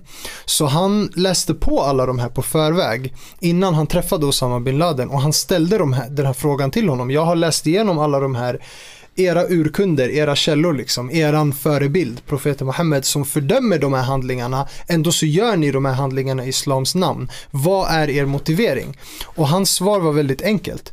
De gör det mot våra civila, Mm. så vi gör det mot deras civila. Eh, och, och här någonstans så börjar vi inse att motiveringen bakom detta är politisk i grunden. De här grupperna känner att de, de får inte möjligheten att försvara eh, muslimerna som har blivit invaderade, bombarderade, Mm. sanktionerade och så vidare och så vidare. Och utifrån en eh, hjälplöshet gentemot eh, sina bröder och systrar i tro som de upp, uppenbarligen känner ett, en vilja att hjälpa Mm. på grund av att de är missledda och jag fördömer de här handlingarna de gör självklart. De är totalt förbjudna i vår religion. Men man ser någonstans vart det här gror fram och vart det kommer ifrån. Och det Mm. kommer ifrån en maktlöshet. Det kommer Ja. ifrån en brist på att kunna agera för att skydda Mm. eh, muslimerna. Och därav så hittar man en lösning eller en slags, En slags aktion som ligger helt utanför islam. Mm, mm. Ehm, och jag menar hur många gånger har lärda inte gått ut och fördömt de här handlingarna? Men det, det. räcker aldrig. Nej. Vi måste alltid komma ut och fortsätta fördöma och fortsätta fördöma och Mm. fortsätta fördöma. Ehm, Jag kommer ihåg, jag, när jag bodde i Barcelona, jag var kompis med en kille från Schweiz. Hans pappa var VD för ett av världens allra största bolag. Alltså vi alla känner till bolaget, jag behöver inte säga något namn på bolaget. Eh, Och den här killen sa till mig här, för vi bodde där när det här i Bataclan, tror jag det hette, Frankrike, Paris, när det kom någon snubbe och tyvärr pepprade ner oskyldiga människor, vilket absolut är hemskt. Och då sa den här killen till mig, min schweiziska kompis, han bara, men varför blir europeer förvånade? Han bara, vi har gjort så här mot dem i tusen år, alltså inte tusen men i flera år och har mördat flera civila. Så att det, det är inget konstigt att det här sker. Varför blir de förvånade? Och när jag säger det här, jag menar inte att det är rätt gjort. nej, nej, absolut att- inte. Hur kan ni fördöma, återigen det som vi ser i Palestina idag? De mördar tiotusentals människor varav 4000 barn. Det Och finns en "Men korrelation. Hur fördömer du? Men bro, kolla på vad du gör innan du frågar mig vad, vad jag gör. Det finns en korrelation, en direkt korrelation mellan Mm. eh, västs invasioner och interagerande i muslimska länder och terrorattacker i väst. Det vet vi om. Mm. Ja. Det finns statistik på det här. Eh, och det leder ju tillbaka till min debatt igår med Omar. Mm. Hela mitt argument i debatten var att från en riskanalys så är det inte bara negativt att en stat som Israel existerar på det sättet det gör. En sionistisk etnonationalistisk stat som exkluderar alla förutom en viss folkgrupp. Inte bara det, men också att västvärldens stöd, västvärldens ovillkorliga stöd Mm. för den här staten kommer ha negativa effekter på hela västvärlden. Den har uppenbarligen negativa effekter på Israels grannar, Mm. Ja. men det, inte, det handlar inte bara om Israels grannar för ni bryr er inte om dem. Ni har redan avhumaniserat dem. Jag pratar om risker för israeliska medborgare. Jag pratar om risker med antisemitiska hatbrott som ökar i samband med de här eh, eh, situationerna i eh, Israel. Men också eh, potentiella eh, ri- risker för västerlänningar och för västerländska länder. När de eh, liksom interagerar i de här länderna eller stödjer en stat som Israel så kommer det uppenbarligen leda till ett höjt säkerhetshot i Mm. västvärlden. Så är det. Och det har vi sett efter koranbränningen. Alltså det är inte, jag menar inte att det nödvändigtvis ska vara rätt att liksom rikets säkerhet sätts på spel när man Nej, bränner en bok. det- men folk radikaliseras. Mm. baserat på att man känner det här är hatuttryck mot min identitet. Och jag har sagt i tio år, sluta, jag mår inte bra, det här är påtagligt, det räcker, jag känner mig utanför, låt mig vara. Och det hjälper inte. Det är klart att till sist man, tyvärr, många riskerar att radikaliseras. Och det går åt båda hållen. Som, som Amanj nämnde, det var en naziunge nu då som ville göra en skolskjutning. Han har väl också radikaliserats av konstiga idéer och, och det sker ju en sån process. Men vi tänkte, för att du nämnde att vi ska avsluta och jag var faktiskt nära på att vi skulle avrunda. Men jag har en sista fråga och det är nu när vi ser hela den här äh, katastrofen utspela sig i Palestina så känns det som att man vill terrorstämpla människor som sympatiserar med offren i Palestina. Att hela den idén ska anses vara du, du, du sympatiserar med terrorister. Fast vi ser ju att de är offren framför oss. Hur ska vi handskas med det här på bästa sätt? Hur ska vi kunna stå upp för vad som är rättvisa? Utan att pekas ut att vara terrorister trots att, återigen, det är vårat folk som faller offer. Jag, jag tror att eh, en, en fråga som du också ställde förut kring vad, vad ska vi göra för att bli fria? Mm. Eh, då tog jag det på en väldigt så bred och abstrakt nivå. Så det här är ett av de sätten vi kan prata om att vi behöver bli fria på ett kanske mer praktiskt och konkret sätt. Eh, I slutet av dagen, eh, det finns ingen motståndsrörelse som har någonsin tagits emot med öppna armar Mm. av den kraft som de har gjort motstånd mot. Eh, jag var på ett museum i eh, Oslo. Jag tror det var Oslo eller Bergen. Jag är inte säker men det var en av de två städerna. Det var i Norge i alla fall. Eh, som eh, beskrev eh, den norska motståndsrörelsen under nazitiden. Mm. De var ju ockuperade utav nazisterna. Mm. Och en av de skyltarna som, som var, det var att de kallade sig själva då för illegal. De kallade sig själva vid den illegala motståndsrörelsen. Mm. Och anledningen till att de kallade sig det, det var för att den nazi-tyska ockupanten kallade dem illegala. Så vad de gjorde var, de demoniserade som illegala. Och då Mm. eh, Kusling, ni känner till hela historien kanske med Kusling och, och de samarbets, nazist, de norska nazisterna som samarbetade med Hitler och så vidare. Mhm. Eh, de jagade ju de här människorna för att då på olika sätt eliminera och döda dem och så vidare. Eh, och då av den simpla anledningen för att liksom avdramatisera vad de kallades. De kallades illegala, då kallar vi oss illegala. Vill ni att vi ska vara illegala? Vi är illegala. Mm. Vi kommer alltid vara illegala i en nazitysk kontext. 100%. Mm. Det är klart att vi kommer vara det. Det här var den norska motståndsrörelsen. Mm. Jag berättade förut om slavupproret i Bahia i Brasilien. De kallades fanatiska. Om vi kollar på algeriska motståndsrörelsen under eh, franska kolonialismen. De kallades också saker. Mm. Nelson Mandela var terrorist fram till 2008. Det vet Ja. vi redan. Ja. Gandhi kallades sedefördärvare eller problemmakare. Mm. Martin Luther King kallades extremist. Mm. Och i ett brev eh, som kallas eh, The Letter from Birmingham Jail. Där han beskriver hur det kändes när han blev kallad extremist. Han beskriver den processen som han gick igenom. Alltså låt veta också att Mar- Martin Luther King var en pacifist. Mm. Han använde helt och hållet icke-våldsmetoder och kallades ändå extremist. Ja. Så det finns aldrig något motstånd, hur den än ter sig, som inte kallas någonting i syfte att på olika sätt eh, avlegitimera kraften. Mm. Vi ser det i Sverige. Alltså Mm. jag personligen, Musa, som Mm. vi pratade om förut. Människor som gör saker men som kanske inte direkt Radikal och... Det kallas allt möjligt. Ja. Alltså bara för att man inte på något sätt utgår från de premisser som makten sätter Mm. upp. Och det, alltså i Musas fall, jag tycker inte han gör motstånd mot samhället. Nej, absolut inte. Alltså, han han- lugnar ner allt. Han är, Alltså han, han är talat, lugnande kraft. det, det här är också någonting som sårar. Ja. Kanske Musa själv aldrig säger det. Och Musa, förlåt att jag pratar för dig just nu. Men jag, jag vet för jag har varit själv i den situationen. I Musas fall gör han till och med Sverige bättre. 100 procent. Och det måste såra extremt mycket att när man verkligen försöker och trots det så det landet som du försöker göra bättre Demonisera dig. demonisera det med den kraften har. 100 procent. Ja. Det, det, det måste göra ont. Men det är då vi måste komma ihåg att alla krafter som på olika sätt har stått upp för några värderingar som inte kanske majoritetssamhället haft eller den kraften, makten som har varit då har alltid demoniserats. Och det ser vi nu också i, i, i Gaza. Det ser vi också nu i Palestina. Och vi har sett det under de senaste 75 åren att palestinierna har kallats allt från submänniskor till terrorister eh, eh, till våldsverkare till eh, Mänskliga djur. mänskliga djur Mm. till ovilliga till fred och så vidare. Att man Mm. på olika sätt demoniserat den här eh, kraften. Nu kallas också de som sympatiserar då med Palestina. Exakt. Och syftet med det, det är inte att på något sätt berätta en sanning om de människorna eller om Palestina. Syftet är att gynna Israels intressen Mm. och att avlegitimera de som står då för eh, de som utmanar Israels intressen i det här fallet. Så Då- det viktigaste i det här sammanhanget är om vi ska prata om hur man på olika sätt slår sig fri eller bekämpar Mm. islamofobi. Mm. Det är att helt enkelt vara likgiltig inför det här.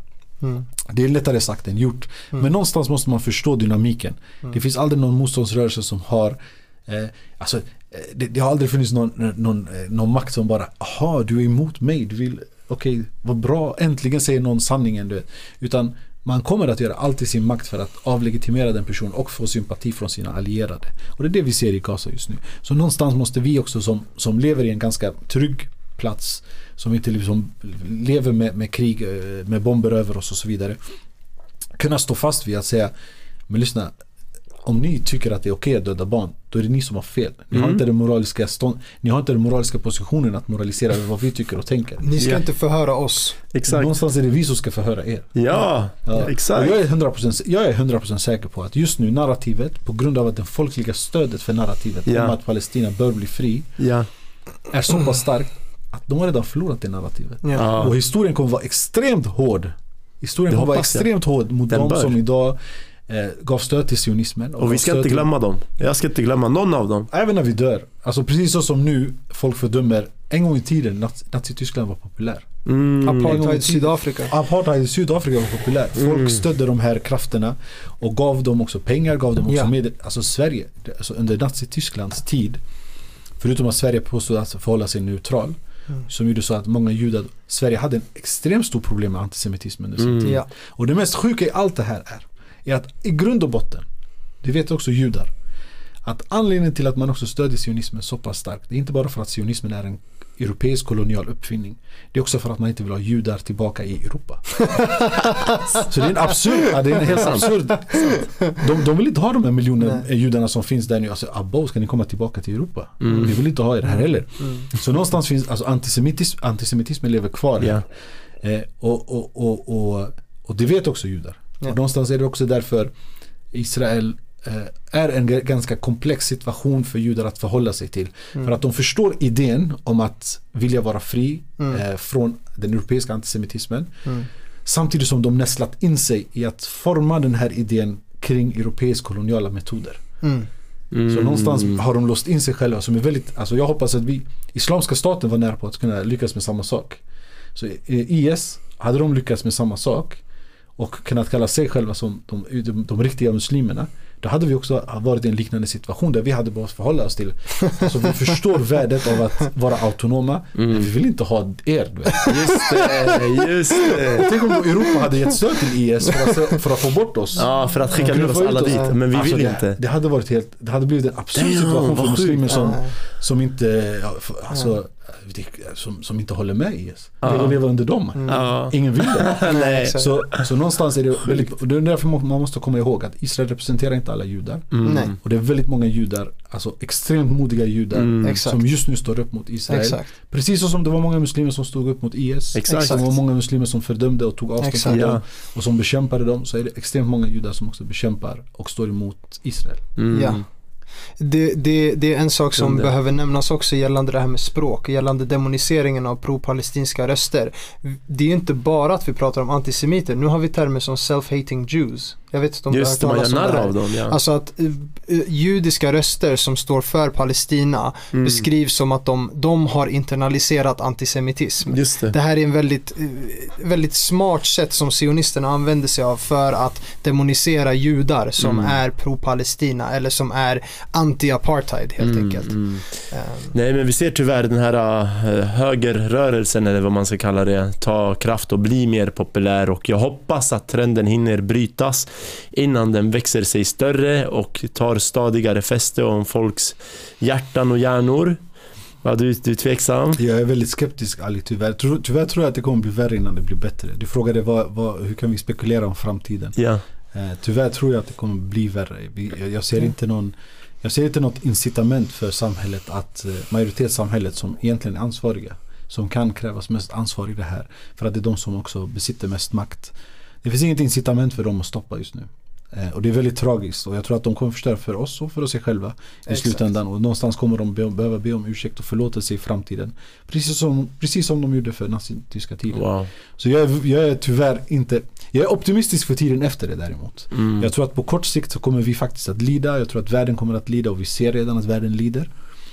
Eh, på lång sikt tror jag däremot att någonstans är det här också slut, det, här är nå- någonstans slutrycket för, Mm. för den europeiska dominansen. Mm. Eh, och vi ser andra krafter också komma upp. Vi ser att nu finns det här BRICS. Ja. Kina, Ryssland, Sydafrika, Brasilien, Indien. Alltså att det finns andra länder som också utmanar den här hegemonin, den europeiska hegemonin i världen. Så jag tror att allt det där kommer spela roll i framtiden. Eh, men jag tror att Europa kommer verkligen gå ut med en bang. Om de väl, eh, tyvärr, och det kommer dra med extremt många. Ja. Eh, för någonstans, Jag vill säga att jag tror det, desto längre ifrån vi är från eh, eh, andra världskrigets händelser desto, desto mer Glömmer vi vi, bort. vi glömmer hur det verkligen var. Att det dog så många, Mm. så många civila. Mm. Inte Mm. bara judar, alltså Mm. överallt. och innan Tyskland. dess också. I Tyskland det dog Alltså extremt många civila. Mm. Alla de här länderna, Mm. nu jag säger Tyskland för att det är såhär, Mm. ja men alltså där också, det var också folk som, Mm. som försökte hjälpa du vet, judar och sånt. Det fanns också Mm. du vet minoriteter som Mm. inte höll med. Mm. Alla de här rensades, Mm. förstår du? Mm. I, i, i Polen, pff, eh, det blev platt. Mm. Eh, Warszawa blev platt. Förstår du? Du har så mycket alltså, förstörelse som inte folk Såklart i krig, ja. förstod alltså, Mm. vad det var i ett andra världskrig. Alltså, det var helt galet. Och jag tror desto längre ifrån vi, vi går från det där, desto, desto mer vi kommer tänka "Ah, vet du vad, det var inte så illa då. Låt oss bara köra rond två. Alltså nu jag skämtar lite såklart men Mm. det, lite så Mm. känns det. Och det är läskigt. Europas historia har ju varit den mest krigsdrabbade historiskt. 100%. Ingen annan plats på jorden har varit lika våldsam Mm. i form av liksom fysiska sammandrabbningar. Vi Ja. snackar romarriket, vi Mm. snackar eh, många olika typer av eh, kungariken därefter och sen hela vägen fram till Ska vi prata nationsstaterna. samlevnad i Europa? Ja, det är lycka jag har inte kunnat samleva på jag vet inte hur länge. Mm. Ja. Men det handlar inte heller, alltså vi också, Mm. vi sitter faktiskt i Europa just nu. Så att Ja. Ja, ja. vi också, även om vi är minoritet här så är vi också ansvariga på något sätt. Eh, Vi är också, vi är också skyldiga. Mm. För att vi lever också vi lever som vi gör på grund av att Europa kan exploatera och utnyttja resten av världen. Mm. Eh, Så att någonstans behöver vi också erkänna vår position Ja. i det här. Ja. Och, och inte frånkoppla oss till ansvaret. Nej, såklart. Och det, det ansvar, den insikten om att vi också är ansvariga måste också göra så att vi faktiskt fortsätter våga att stå emot även om vi demoniseras. Ja. Fortsätta våga prata ut även om vi demoniseras. Fortsätta vara säkra på att vi faktiskt har rätt. Det är inte okej att döda barn bror. Nej, Så enkelt är det. Alltså det måste Exakt. någonstans vara, Mm. det är så absurt att ens behöva artikulera det. Mm. Exakt. Mm. Och någonstans behöver vi vara så pass självsäkra att komma ihåg att vi är också skyldiga om inte vi pratar. För att Ja, vi lever här och sant. vi lever på grund av den kontexten som Europa skapat genom kolonialismen och genom fortsatt imperialism av världen. Mm. Och därför är vi också väldigt skyldiga, tror jag, att det är väldigt viktigt att påminna sig om att det här kommer inte gå bort av sig själv. Våran tystnad kommer inte hjälpa oss. Eh, Jag tror att många har lärt sig den hårda vägen de senaste åren. Många trodde att genom att vara tysta och undvika vissa saker att de skulle kunna komma undan. Tyvärr har vi sett att det inte varit fallet. Eh, Och därför måste vi börja också tänka hur kan vi göra det här tillsammans? Hur kan vi mobilisera? Hur kan vi prata med varandra? Alltså, nu pratar vi om islamofobi och muslimer. Kanske också gått ut lite på andra saker. Men det finns extremt många grupper där ute. Romer, Mm. Mm. alltså äh, svarta, Ja. eh, samer, eh, judar. Alltså det Mm. finns så extremt många andra Mm. grupper Mm. som just nu vill samma sak. Vi behöver prata med varandra. Vi behöver prata med, okay, men hur, hur kan vi samarbeta och slå ihop våra kloka hjärnor för att faktiskt få till ett samhälle som, så där vi alla får plats helt enkelt. Mm.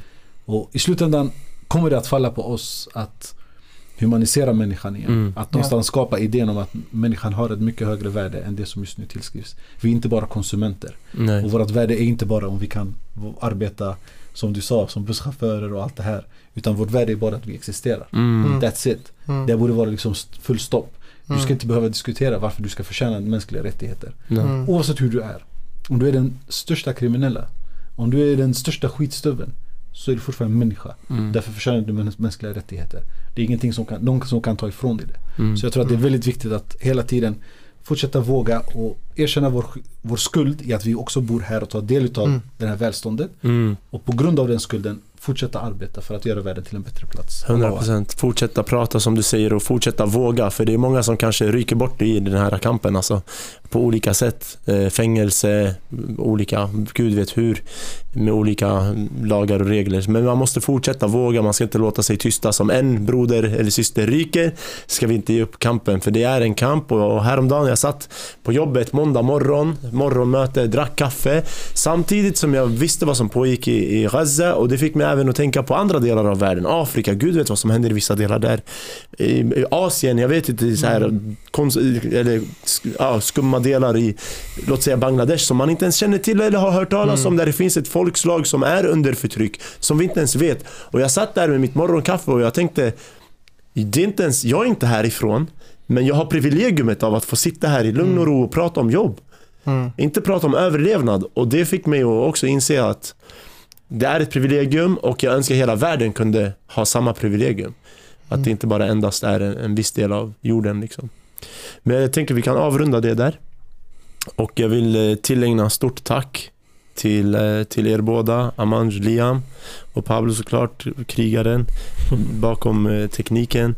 Eh, Det var riktigt intressant att lyssna på er faktiskt. Och eh, har ni några sätt att hitta till er eller nå, ut till er på Amanjom? Du, du har ju föreläsningar, berättade du lite innan. Eh, tror innan vi spelade in eller, eller tidigt i Ja, avsnittet? absolut. Jag, jag, som sagt, jag grundade en organisation som heter Insan. Vi finns på Instagram. Ins, Insangram. på Instagram och på Facebook. Insan, självklart heter vi där. Institutet för samhällsanalys. Och vi har också en hemsida, insan.nu. Och nu på lördag. Jag vet inte om det här kommer sändas innan lördag. Nej, nästa söndag blir Ja, det. nästa söndag blir det. ja. okej. Men åtminstone, ja, jag kan säga datumet då. 11, 11 november så har vi en lansering av det vi kallar ett begreppspapper. Där vi definierar islamofobi för en svensk kontext.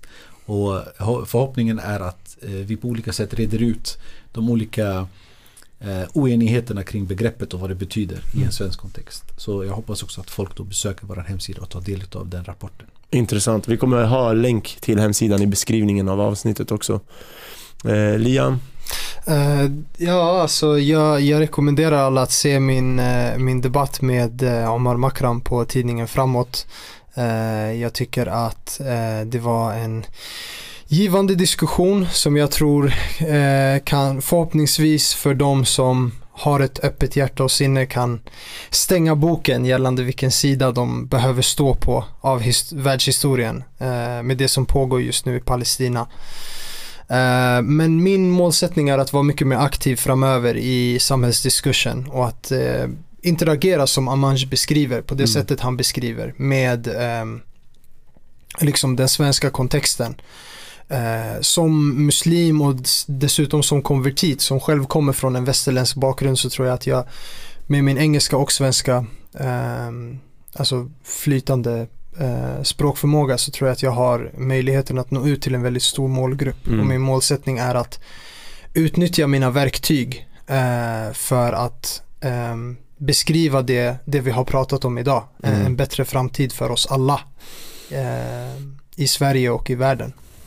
Super. Stort tack till er båda, eh, Välkommen. mina herrar. Tack så mycket. Och till alla kära lyssnare, det här borde jag egentligen ha sagt i början av avsnittet, men vi har börjat växa i medlemsantal både på Patreon och på YouTube, vilket gynnar våran kanal jättemycket. Eh, och det vill jag tillägna ett stort tack till er som vill bli medlemmar eh, och ger oss det förtroendet och vi hoppas att ni fortsätter gilla vårat content.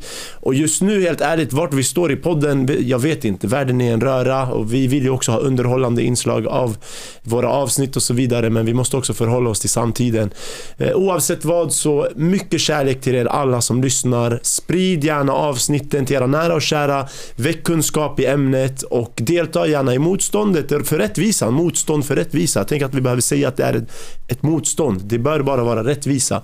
Så sprid det gärna, likea avsnittet, kommentera vad ni tycker och tänker, vad ni håller med om inte håller med om. Något motargument och så vidare. Och eh, hör gärna av er till herrarna som gästade idag. Eh, Och återigen, stort tack och mycket kärlek till er allihopa. Ta hand om varandra, ta vara på varandra och så hörs vi inom kort. Ciao. Salam alaikum. Alaikum assalam. Barakallahu fik Ali.